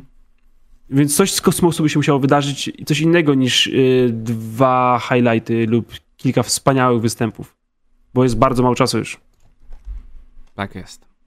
Łukasz, się Nie wydarzy się po prostu. Łukasz Sienicki, bardzo mi miło dziękuję za twój wpis na czacie, Zacy- zacytuję go dla osób, które są na Spotify'u. E, odnośnie tego filmu Lakers Nets, nie ma nic złego w tym, że ten film się brzydko zestarzał. To nie była prognoza finałów, tylko opowieść o pewnej wizji i pięknej historii, która mogłaby się wydarzyć. No kurczę, o to właśnie chodzi, no. Koszykówka to nie tylko e, statystyki, obliczenia i, i, i inne rzeczy, tylko przede wszystkim emocje i wyobrażenia, dlatego chociażby gadamy o tych historiach z gatunku What If. To nie są fakty, to nie jest koszykówka, tylko to są pewne wizje, które chcieliśmy zobaczyć, ale nigdy nie zobaczyliśmy. Miażdżąca większość z nas je uwielbia. Właśnie. Po prostu lubimy to robić. Lubimy tego słuchać. Lubimy to prowokować. E, Kolejna wiadomość jest od Jani to Raptors. Pozdrawiamy. Witam serdecznie profesjonalistów. Chciałbym, byście ułożyli najlepszą możliwą piątkę według Was z graczy rezerwowych z całej ligi. Dzisiaj pierwszy donate. Pozdrawiam wszystkich oglądających, przede wszystkim mojego ziomeczka Wektora, który ogląda streama. Pozdrawiamy Was, panowie. Eee, pierwsza piątka według graczy rezerwowych z całej ligi. Okej. e, Tyler Jordan Hero, Jordan Clarkson. Tyler Hero. Tyler Hero, może być Clarkson. y, Cam Johnson z Phoenix. Mhm. A, I tak. Możemy się zastanowić nad Grantem Williamsem. Możemy się zastanawiać o nie Kaukongu na centrze. E, Wracam do tego. Eee, szkoda, że Rose kurczę nie gra. Co Kevin Love. Kevin Love, fajnie, fajnie, fajnie, fajnie. Mhm. Mamy już pięciu? Anferni Simons się liczy? Teraz już chyba nie. Ajajaj. Marvin Bagley też nie bardzo, nie? No nie. Dobrze, Tyrese Halliburton również nie. Wpisałem sobie właśnie tracker e, na zawodników na najlepszego rezerwowego tego sezonu. No nic, daliśmy Dobra. siebie ile mogliśmy na żywo. Bruce Brown, czas na CS-a. E, Filip, pozdrawiam cię serdecznie. Kolejny donate. Hej, którzy zawodnicy stracili według was najwięcej przez swój transfer w trakcie sezonu? Kto zatonął w nowym klubie? Dla mnie to Cam Reddish i Nikhil Alexander Walker, którzy coś grali wnosili do gry, a teraz praktycznie zniknęli. Cam Reddish, owszem, o nim dwa słowa dzisiaj były, bo y, Tom Thibodeau nie jest jego fanem, a Nikhil Alexander Walker mignęło mi jego nazwisko, kiedy przygotowałem sobie dzisiaj em, notatki do najlepszych e, w kwestii Utah Jazz i faktycznie od czasu, gdy tam się dostał, on praktycznie nie istnieje. On wychodzi na garbage time, gra jakieś marne minuty. A pamiętam, że miał chyba w zeszłym sezonie jeszcze jakieś, nie wiem, czy to było jedno, czy kilka spotkań, ale pokazywał w tych meczach, że, że potrafi rzucać, że potrafi zdobywać punkty. No kurczę, miał mecze po 30 punktów kilka spokojnie w karierze. E, Seth Curry wygląda też na pogubionego po transferze. Davis Bertans jest równie pogubiony po transferze, jak był przed transferem. Mhm. Nie wiem, czy to dobrze, czy źle, czy to cokolwiek znaczy. A nie wiem, takie pierwsze nazwiska chyba, chyba to tyle. Więc czas na kolejne myto od Camelo Daltonego. Pozdrawienia. Porcja nowych sucharów dla dwóch prowadzących. Jakie spoiwo zostało użyte przy budowie Golden State Warriors? Clay Thompson. Dziękujemy. Który koszykarz po zakończeniu kariery będzie prowadzić schronisko dla psów? Serge Sabaka.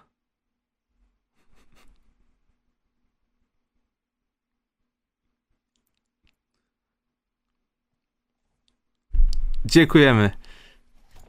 Pozdrawiamy. Pozdrawiamy. Serdecznie. Tak. Lucky the Leprechaun, twoja kolej. Dzięki za pytanko, dzięki za donate. Dyszka się panom profesjonalistom należy jak co tydzień. Poproszę o wasze wstawiennictwo u najwyższego za sukces Celtics w playoffach. Bo nie wiem, czy Bartek to zrobi. Wszechobecne zdrowie w NBA, nawet Lakers. I wszystkie pieski na tej kuli ziemskiej, dziękuję. Okej, Bartek powinieneś to zrobić, bo ten donate, on nie ma tutaj aury bostońsko-celtyckiej, tylko to jest taka aura wholesome, że wszystko jest super, wszyscy powinni być zdrowi, szczęśliwi i, i pieski są najlepsze. Więc ja bym się wstawił u najwyższego. Stawiam się u najwyższego, jeśli go spotkam. New York Knicks is the smuteczek. Pozdrawiamy. Yo, czy w Knicks był ktoś, kto mógł powiedzieć GM-owi przed sezonem, ej, jak weźmiesz dwóch kiepskich gardów z Bostonu do pierwszej piątki, to twój backcourt będzie grać jak dwóch kiepskich gardów Bostonu? Myślę, że mógłbyś to być Tom Thibodeau, jakby go tylko zapytać o opinię. No cóż. Myślę, że moglibyśmy to być my, jeśli by nas zapytano o opinię. Też byśmy to powiedzieli. Nie byliśmy fanami tego ruchu, ale szukaliśmy pozytywów. I liczyliśmy na to, że jeśli zdrowie pozwoli, to Przynajmniej atak jeden się z nich poprawi. w koszykówkę. po prostu atak Knicksów się poprawi i skończy się na trochę lepszym wyniku niż, niż jedno zwycięstwo w playoffach w ciągu ostatnich co najmniej kilku sezonów. Eee, no ale niestety. A, atak się nie poprawił, a obrona zgodnie z przewidywaniami spadła do takiego poziomu, że masakra. No nic. I że chociaż jeden by grał, na przykład Fournier, że będzie coś tam w miarę regularnie, ale nie wydarzyło się to niestety. Tak jest. To co? To były już wszystkie pytania na dzisiaj. E, bardzo Wam wszystkim dziękujemy za obecność. Tradycyjnie studio wleci na Spotify, Apple, Google Podcast. Generalnie praktycznie już chyba wszędzie jesteśmy. Jeszcze nas na Tidalu nie ma, ale może powalczymy nad tym. Ale gdzieś i będziecie chcieli nas posłuchać, to zapewne będziecie mogli gdziekolwiek byście chcieli. Em, no i co? Pozdrowienia dla SK Store za e, partnerstwo podczas tego programu. Informujemy o możliwości skorzystania z rabatu PS NBA e, z linku w opisie pod tym filmem, żeby kupić sobie produkty na SK Store z rabatem 20% i oprócz tego na ekranie wyświetlamy koszulki Stop War, które, mm, z których dochód, dochód zostanie przeznaczony w 100% na wsparcie, na pomoc uchodźcom wojennym z Ukrainy. Świetna akcja. E, propsujemy ją całkowicie, też takie koszulki możecie dorwać na SK Store. Bartek, dziękuję Ci bardzo za dzisiejszy program. Słyszymy się za... Polecam użycia tego kodu, bo można naprawdę sztosiki wyłapać. Spra- sprawdzałeś już? Ma, ma, masz przy sobie? O! Powąchaj. Powąchaj je w środku. W środku już trochę mną, ale Co- na zewnątrz jeszcze Co, co, ładnie. to, co to za model, Bartek? Pokaż. Trochę dalej. O, tak, właśnie. I to są Jordany. 36. Elegancko. Gratulacje. Piękne są. Kocham je i Mam może nadzieję- zabierajcie do łóżka. Mam, na, mam nadzieję, że działają tak, że będą poprawiać skuteczność rzutów wolnych. O, oby na przykład. Na koniec jeszcze wleciały dwa szybkie donaty. Brat Prysz napisał dobra robota, dziękujemy, pozdrawiamy, a wierzący napisał MVB, czy Los Angeles Lakers wejdzie do playoff, licząc, że AD jest zdrowy na play-in. tak. Szybkie pytanie, szybka odpowiedź. Trzeba wygrać jeden mecz z Pelicansa, potem jeden z Minnesotą prawdopodobnie. Sorry, że tak przerwałem, ale mm, nie, nie chciałem zapomnieć już o tych, tych na, tak rzut, rzutem Nie, nie, to bardzo ważne. Rzutem na taśmę. Ale buciki zajebiste, wspieram, propsuję, podobają mi się. Też dostałem buciki, o, y, specjalne buciki na temat ym, i gra w nich zawodnik, o którym y, niebawem przygotuję pewien bardzo specjalny materiał i nad którym dzisiaj się bardzo pozytywnie rozpływaliśmy, więc możecie sobie zgadywać, o którym graczu ten materiał powstanie. Dobra, ale już nie przedłużajmy. Dzięki Ci Bartek za Chyba. dzisiaj. Słucham? Był to Maxi Kliba. Dzięki Ci, Bartek, przede wszystkim za Twoje przecudowne ranty o wszystkich drużynach oraz dostojne poczucie humoru. I pozdrawiam Was wszystkich. e, Do następnego razu. Cześć. Pa, pa. Dziękujemy.